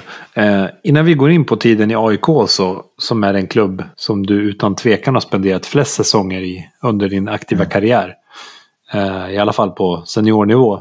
Så undrar jag lite vilken plats i Turkiet av Bandirma, Istanbul, Ankara, Trabzon och Izmir som ligger dig närmast om hjärtat? Eh, som lag är eh, Bambit i Bandurma såklart. För att det, det har betytt jättemycket. Och där jag var längst. Mm. Det är nog inget som går att jämföra där. Det betyder väldigt mycket för mig. Och min Ja. utveckling. Och, ja, men det har gjort stora avtryck på mig. Det har det gjort. Mm. Och stor tacksamhet också till den klubben över att de ens valde att satsa på en kille som inte var därifrån och la ner extremt mycket tid på mig. Så att, eh, ja, men jättemycket tacksamhet hör dit. Mm. Och i AIK sen då? Vad skulle du säga om din första säsong i division 2 med AIK? Det var ju såklart, nivån var ju eh, det första man reagerade på. Det var ju såklart eh, en lägre division. Mm. Vilket gjorde att vi sprang igenom varje match. Eh, Vi avslutade serien med 1000 plus i poäng. Men vi visste vad målet var där. Vi var tvungna att klättra. Det var första året, sen skulle vi vidare. Jättekul liksom att spela inför supportrar. Mm. Derbyt mot Djurgården, fantastiskt. Och kollar man tillbaka på det på läktaren så är det häftigt att vi hade sådana matcher i Sverige. Hoppas kunna göra det igen i framtiden eller om någon annan klubb kan göra det. Mm. Men eh, det var verkligen superroligt. Jag är jätteglad och tacksam också för att uppleva det. Mm. Ja, när man tittar på klipp därifrån de här matcherna, det är ju helt galet. Alltså, det, är så här, det känns inte som en basketmatch i Sverige. Nej, ja, men verkligen. Det, det var superroligt. Det var det. Häftigt. Ja, stämningen på matcherna då, det var... Är, det- är det det bästa du har varit med om? Absolut på svensk nivå. Jag skulle även säga för min del även det bästa jag varit med om. Även om trycket är kanske lägre än vad det var vissa matcher i Turkiet så är det för att här var jag liksom en, en nyckelspelare i laget. Jag spelar för min hemmaklubb. Ja. Min första klubb där jag började idrotta som fotbollsspelare när jag var liten. Mm. I min hemstad. Framför min familj. Det här är allt som väger in gör att för mig personligen så, så går det inte att jämföra med något. Och sen få vinna. Och jag vet ju vad klubben AIK betyder för många som bor i, i, i Solna. Mm. Det är en jättestor del av mångas liv. Och på så sätt så har det, ja, men det har varit fantastiskt. Och det är det fortfarande idag. Jag, jag älskar att spela AIK. Jag säger alltid att jag är jätteglad att jag har fått den möjligheten. Mm. Ni klättrade ju ganska fort i seriesystemet och tog er upp till superettan. Ja. Och den vann ju två, eh, inte bara en gång utan två gånger på raken. Men Ja. sen blev det ju lite problem. Vad, vad var det som hände? Eh, klubben var väl inte redo att, eh, att kliva upp. Om du tänker på att gå upp till ligan. Precis. Eh, sportsligt redo var vi, men eh, sen är det många andra bitar som ska falla på plats. Mm. Eh, och där gick det väl lite för fort Ja, sportsligt så att eh, klubben hann inte med i samma tempo. fattar. Och som var man ju besviken på att det inte gick vägen, men kollar man utifrån och, och försöker se det liksom hälsosamma för en klubb och för dens välmående och få det fungera så var det nog absolut rätt beslut utan att vara för insatt i det. Mm. Men eh, färglaget gick det inte, men får man inte glömma att damerna fick upp, vilket är jättekul för dem. Mm. Och nu har de liksom chans att troligen spela i ligan nästa år igen, Mm. vilket är jättekul. Så att det är också väldigt framgångsrikt att damerna fått göra det. Mm. Nu, nu får vi se, nu är bara målet om herrarna. Fick de dispens eller, eller har, har liksom ekonomin fixat sig sen? Eh, utan att vara för insatt eh, i de siffrorna så tror jag att det har fixat sig på, Gud eh, på de flesta håll. Så att de, de ska nog spela i ligan. Ja, ja vad roligt. Så att det är ja, jätteroligt, jätteroligt och de har gjort ett superjobb. Mm. Sen har ju klubben, eh, verkar vara väldigt välmående nu. Mm. Så att det, det är roligt. Ja, för det blev väl någon eh, variant där med Solna Vikings. Alltså att ni, ni tog över Solna Vikings lag för att ni behövde ungdomsspelare och så fick ni skulderna på köpet. Ja, precis. Ja, och det är som jag sa, utan att vara helt insatt och, och veta allting så handlade det väl lite om att det var väl halvtider man ville åt också, ungdomssektion. Men med det så kom också eh, skulderna man fick ta över, Mm. som Vikings hade. Vad hände då med liksom klacken och sådär och samman, efter sammanslagningen? Eh, Vi märkte ju att när, när vi inte gick upp till ligan så, så blev det ju mindre intresse i matcherna. Vi tappade ju eh, lite klack, vilket är jättetråkigt. Ja. Men eh, målet var att ta sig upp och när vi gjorde det men inte fick gå upp då kanske de upplevde att men vad är målet här? Mm. Eh, men eh, återigen, vi är jättetacksamma att de ens har varit där från början och stöttat och, och varit med på den här resan. Det har varit superhäftigt. Mm. Sen var det ju samma gäng som oftast följde med på bortamatcherna också. Ja, Ja, men supertack till dem som var med på den här resan. Ja. Nu är du inne på ditt åttonde år med klubben. Ja. Vad har ni som lag för mål och hur länge har du ambition att fortsätta? Lagmålen är väl alltid att vara, vara det bästa laget vi kan vara.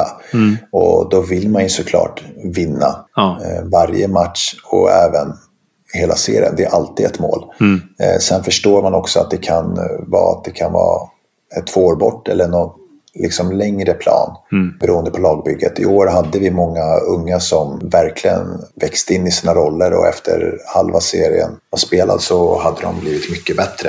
Mm. Och skulle man kunna bygga vidare på det nästa år så sitter man med ett helt annat lag än det Mm. man startar med i år. Så det är kul att se. Och, och på frågan om hur länge jag har ambition att spela så, som jag sa innan, att jag, eh, jag vill alltid spela så länge klubben vill att jag ska spela. Inte så jag kvar mig och så länge jag fortfarande är skadefri. Det är målet. Jag, jag älskar verkligen att kunna spela. Och jag vet att eh, man kan inte alltid spela. Det, det har jag förstått. Mm. Att det kommer en tid när det inte går och, och jag vill passa på medan jag kan för jag tycker det är så roligt. Mm. Sen hade det varit en annan klubb så kanske det hade sett annorlunda men man får inte glömma att det här det, det är mitt hem, det är där jag spelar. Mm. Jag spelar inte för någon annan utan jag spelar där jag känner att jag är hemma. Mm. Och jag vill alltid vara en del där. Om jag inte kan bidra på basketplanen en dag så vill jag kunna bidra på annat. Mm. Med, med tid och stötta för att det är någon som har gjort det en dag.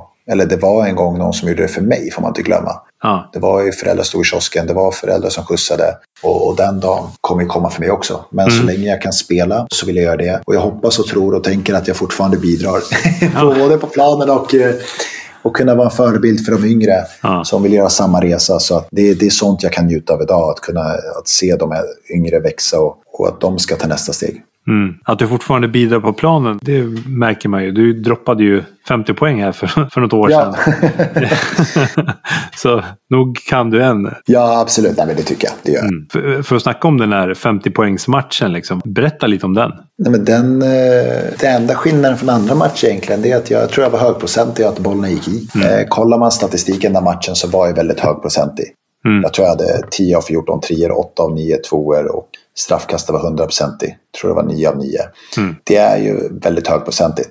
Mm. Så att eh, det är det som hände. Det var ingen skillnad annat. Sen är det så här, för att få ihop 50 poäng så krävs det väldigt mycket avslut. Mm. Och högprocentighet då. Om du ska ta ännu mer avslut. Eh, och det, det matchade den matchen att eh, det blev högprocentigt avslut och därför blev det det resultatet. Så att det var kul. Och så, igen, och så blev det en vinst också i en tight match mot ett bra lag. Så att det, var, det var jätteroligt. Ja. Och det är klart det är en sån match och prestation man tar med sig i, när man syr ihop den här karriären någon dag. Så det var Ja. roligt. Sofie Lundberg droppade ju 50 poäng samma säsng som du. Eh, strax innan dig. Och sen var ju Gustav Hansson uppe på 46 här i, i SBL här. Så vad, vad, vad tror du är anledningen till att många svenska spelare börjar ösa in poäng?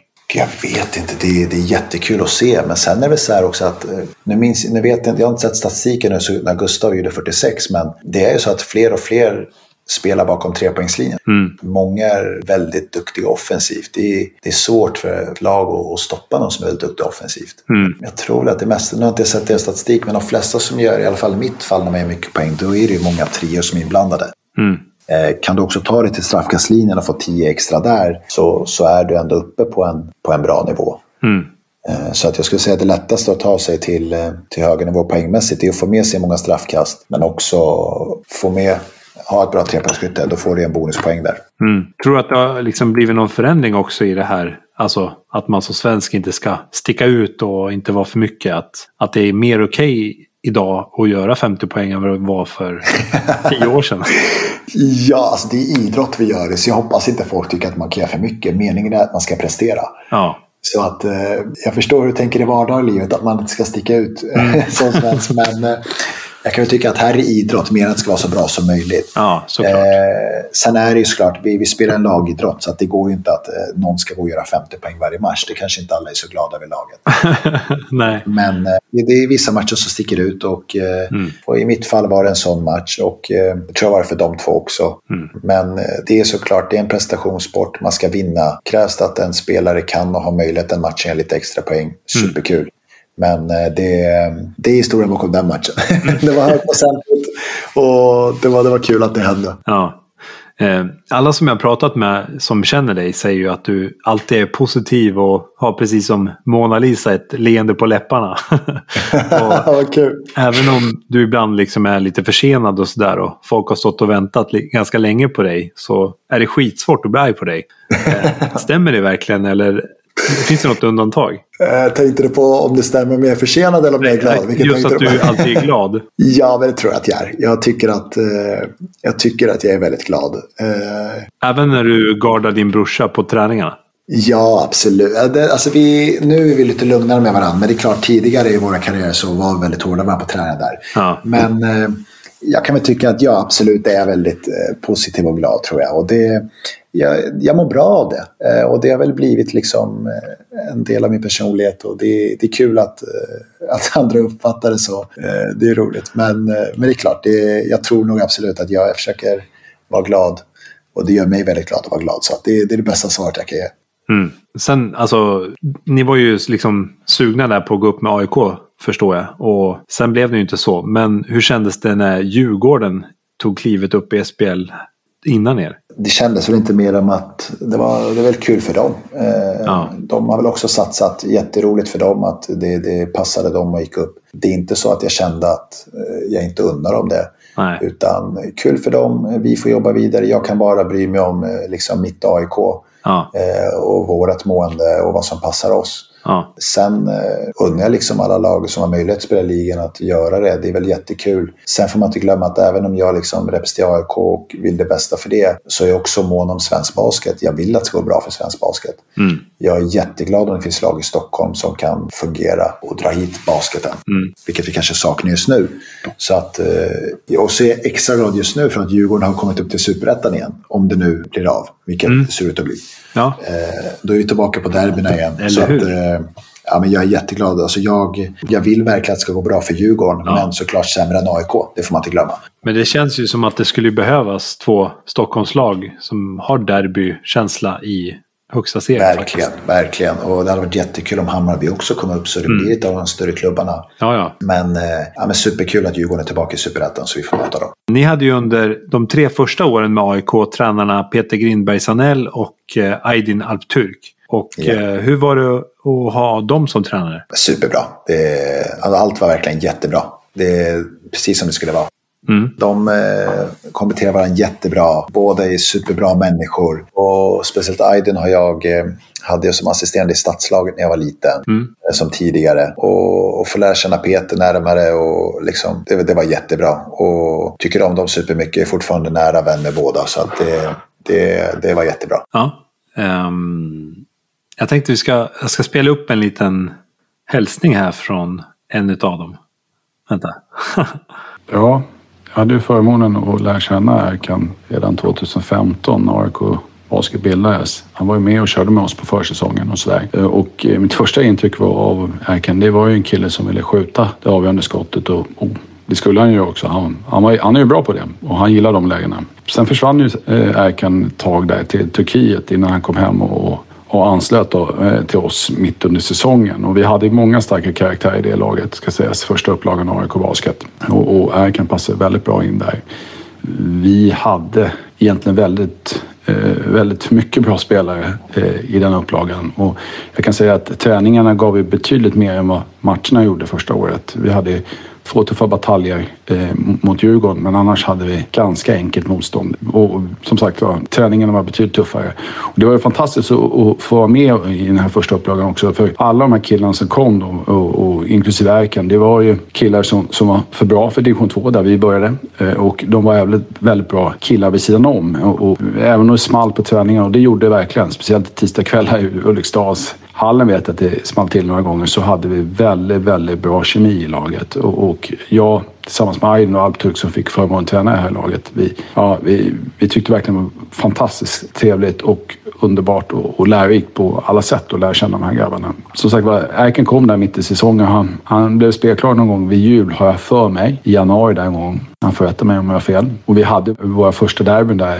efter årsskiftet också mot Djurgården och, eh, som vi lyckades vinna med eh, båda matcherna. Och där var Erken väldigt tongivande. Han, var, han hade en kyla och, och tar de där tuffa skotten. Eh, ibland lite för snabbt dock.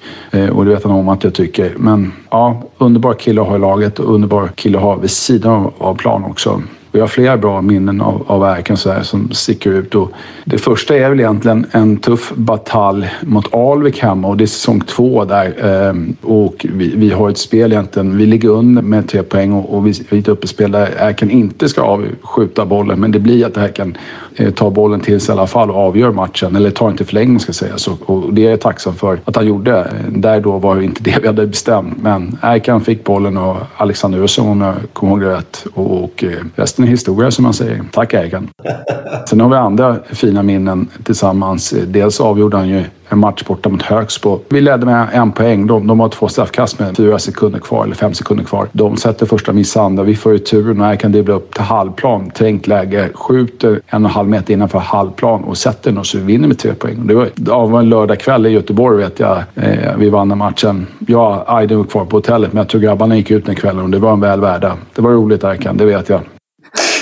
Sen är det flera sådana här matcher vi har haft märken i fronten. Vi har även derbyt säsong två, där första året i Superettan. Då har vi faktiskt förlorat första matchen borta mot Djurgården i Björnkyrkahallen innan årsskiftet. De hade väldigt bra lag på pappret. Där jag tycker än idag att vi blev bortblåsta. Vi hade en goaltending på Särkan där som, som vi skulle haft, eh, vara uppe nio. Istället åker vi på eh, en... De springer på oss efter att eh, blockat... Jeff Taylor mm, blockade eh, säkerhetsskott där på, på en goaltending. Kan gå och kolla på Youtube för det stämmer att det var en goaltending.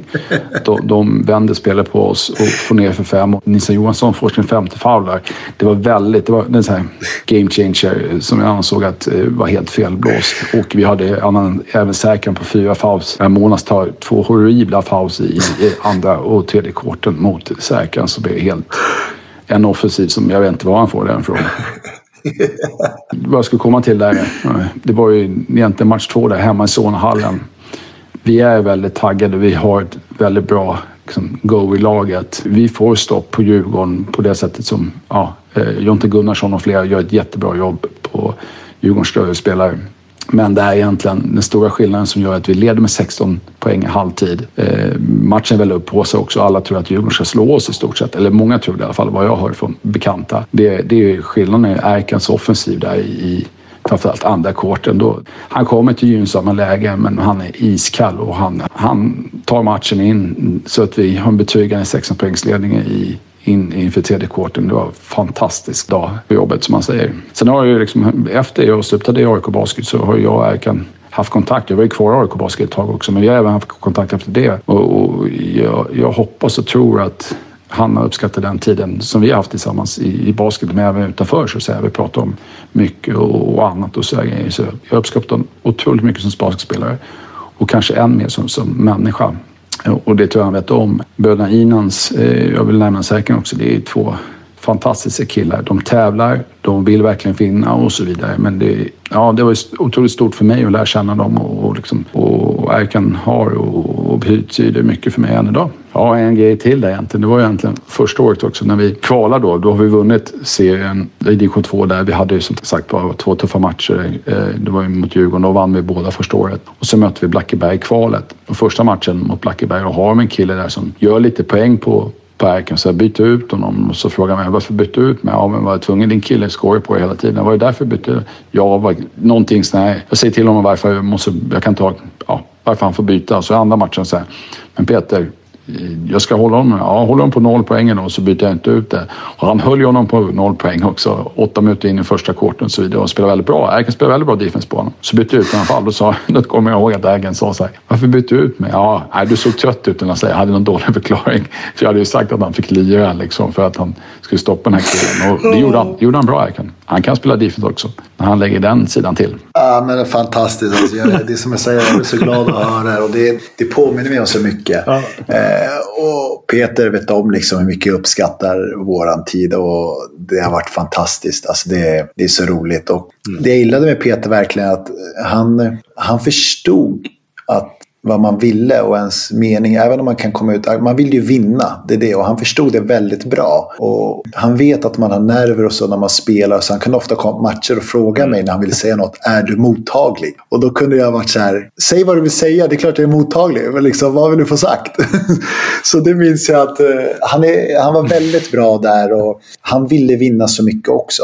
Och det ville vi alla. Vi har haft det jätteroligt på utanför planen och det, det har varit fantastiskt. Och, nej, men, superbra tid.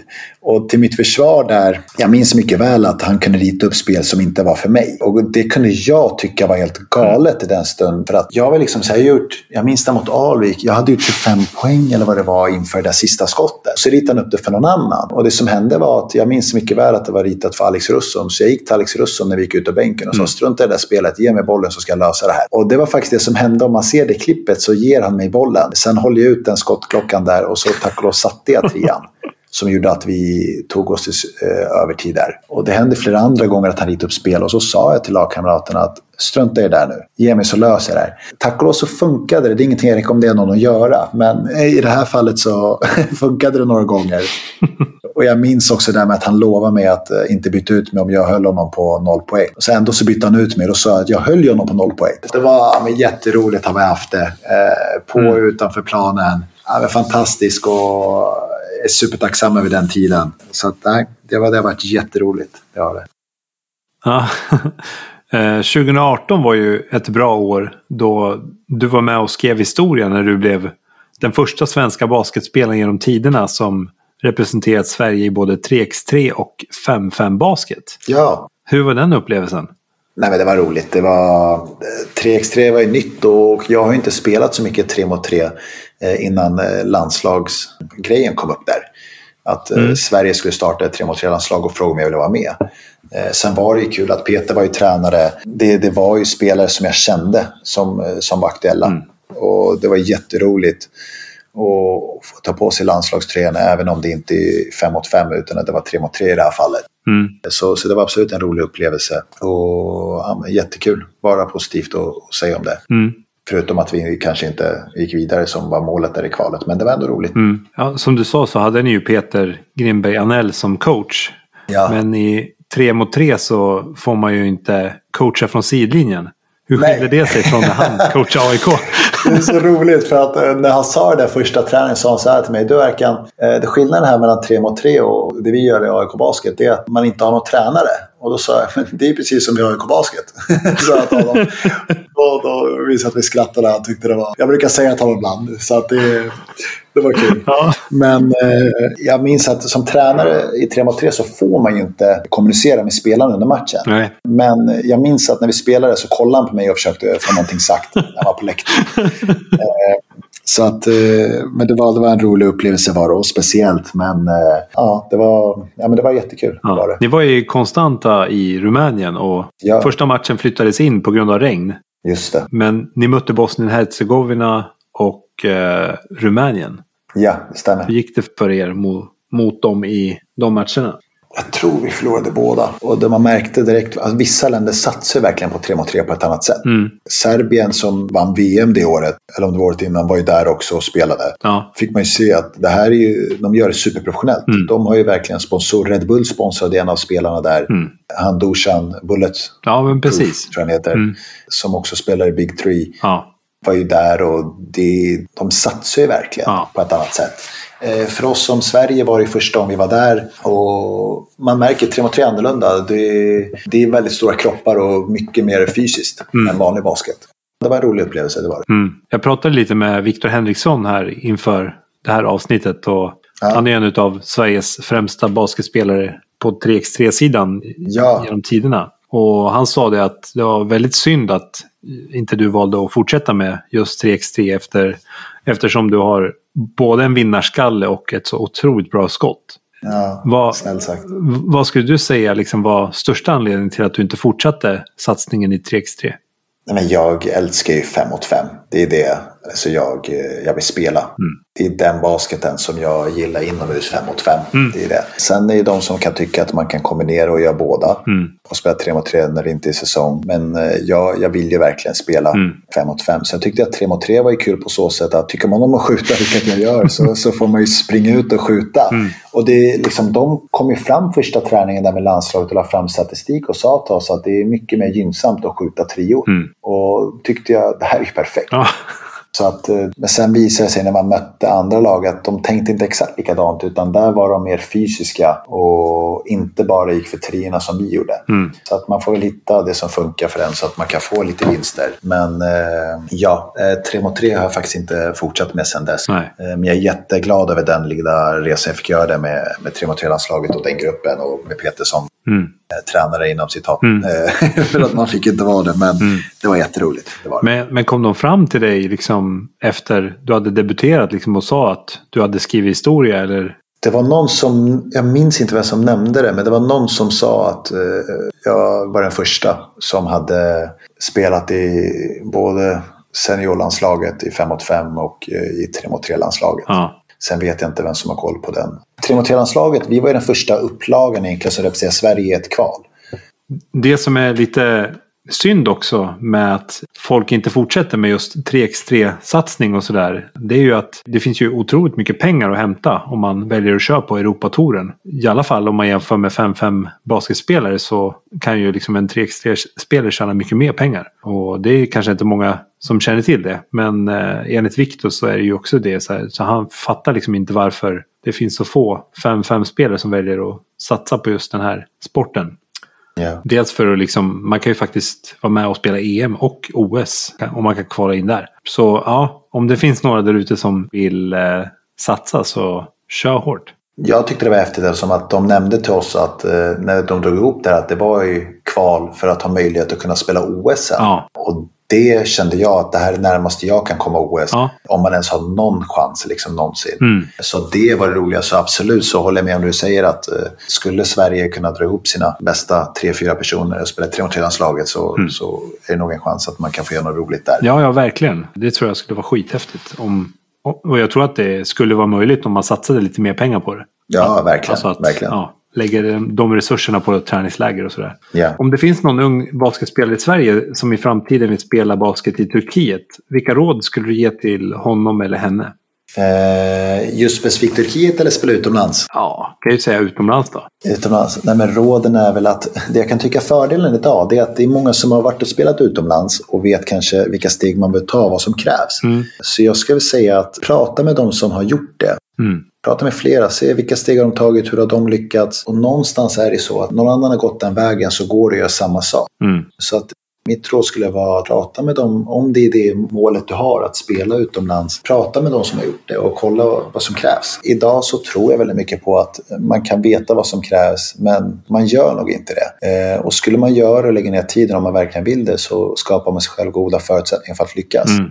Så att eh, mitt råd hade väl varit att prata med de som har gjort den resan och eh, gör samma sak med din egen prägel så kanske det blir ännu bättre till och med. Mm. Så att eh, det är väl det enkla rådet man kan ge. Mm. Sen är det klart, går man in på detaljnivå, det är, det är hur mycket som helst som man kan göra för att bli en bra basketspelare. Mm. Jag tycker att det finns väldigt mycket ute idag som hjälper dig. Man behöver vilja lägga ner tiden. Mm. Så kommer man utveckla sig själv och vara tillräckligt bra Mm. för att spela på den nivån som man förtjänar. Mm. Finns det något så här som du hade önskat att du hade lärt dig eh, när du växte upp som du hade kunnat haft med dig innan proffskarriären? Liksom? Jag vet inte vad jag skulle kunna gjort bättre. Alltså jag, jag är faktiskt väldigt glad och tacksam över de förutsättningarna jag fick. Mm. Och det är framförallt stöd hemifrån. Det är, det är svårt att se utifrån men när man kollar tillbaka på det i vuxen ålder så är jag extremt tacksam till det. Mm. Att jag liksom haft föräldrar och familj som verkligen har stöttat mig i att få göra det jag vill. Det, det har varit jättevärdefullt. Och det är som jag säger att det finns säkert många spelare som var mycket bättre än mig, eller skulle bli mycket bättre än mig, men kanske inte fick samma förutsättningar som gjorde att det inte fortsatte hela vägen. Mm. Eh, Så det är väl det. Men nej, jag hade, jag hade tänkt på att ta hand om sin kropp. Jag tycker att jag har gjort det väldigt bra. Men även man skulle kunna göra det bättre. Mm. Även när man inte är skadad så, så ska man se till att bygga liksom muskler för att hålla sig skadefri. Mm. Som kanske håller dig borta från skador. Sen är det jättesvårt att förutse när skador kommer. Det, det ingår i sporten. Mm. Eh, Jag har opererat mig fyra gånger och ser det som en Senaste operationen var för tre veckor sedan och det är så här, det ingår. Mm. Det är en del av sporten. Det gäller att hantera och studsa tillbaka så blir man bättre. Ja. Eh, Jag har ju förstått att du är en riktig glädjespridare och har fått frågan av en nära vän till dig som är så sjukt inspirerad varje gång jag träffar dig. Han undrar hur gör du liksom för att vara så positiv hela tiden och var hittar du din ener- energi? Ja, jag vet inte vem det är, men den var väldigt snäll. Uh, ja, som jag sa innan, jag, uh, jag vet inte. Jag, jag, är väl, jag tror absolut att jag är väldigt glad och uh, det är tack vare liksom, glada personer runt om mig. Jag är glad över min familj. Jag är, jag är väl glad över det mesta. Ja, Eh, sen är det väl lite så jag väljer att, att se det. Eh, jag tycker väl att sånt som, som inte gör dig glad och inte är bra energi, det liksom skapar jag väl ingen plats och utrymme för. Och allt som gör mig glad, det, det älskar jag liksom och vill ha mer av. Och det är väl sånt jag letar efter, så det är väl det, det lätta svaret jag kan ge. ja. Ja, jag har väl haft tur som haft liksom snälla människor runt om mig som, som gör att jag har blivit glad. ja. Väljer du liksom med omsorg vilka du umgås med? Alltså du väljer folk med, som ger dig energi kanske? Men det tror jag man gör när man blir äldre automatiskt. Ja. Jämfört med man, när man var yngre så ville man överallt hela tiden. Mm. Idag så väljer man väl att eh, umgås med dem man mår bra av att umgås med. Mm. Så det gör jag. Det gör jag verkligen. Mm.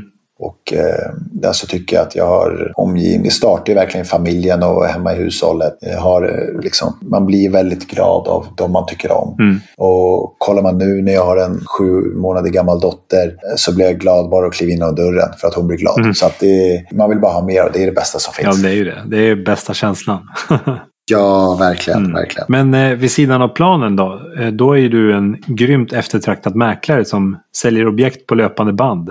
Ja. Vad var det som fick dig att sadla om till mäklare efter ett par år i restaurangbranschen? Jag har väl alltid fått höra att jag ska jobba med sälj. är det många Mm. som har tyckt. Flera, flera år innan jag sålde restaurangen så var det många som pratade om att jag borde jobba med sälj. Mm. Eh, och eh, sen är det så här, jag har väl alltid haft ett intresse liksom genom familj och så för bostäder och fastigheter. Har jag väl lärt mig tidigt.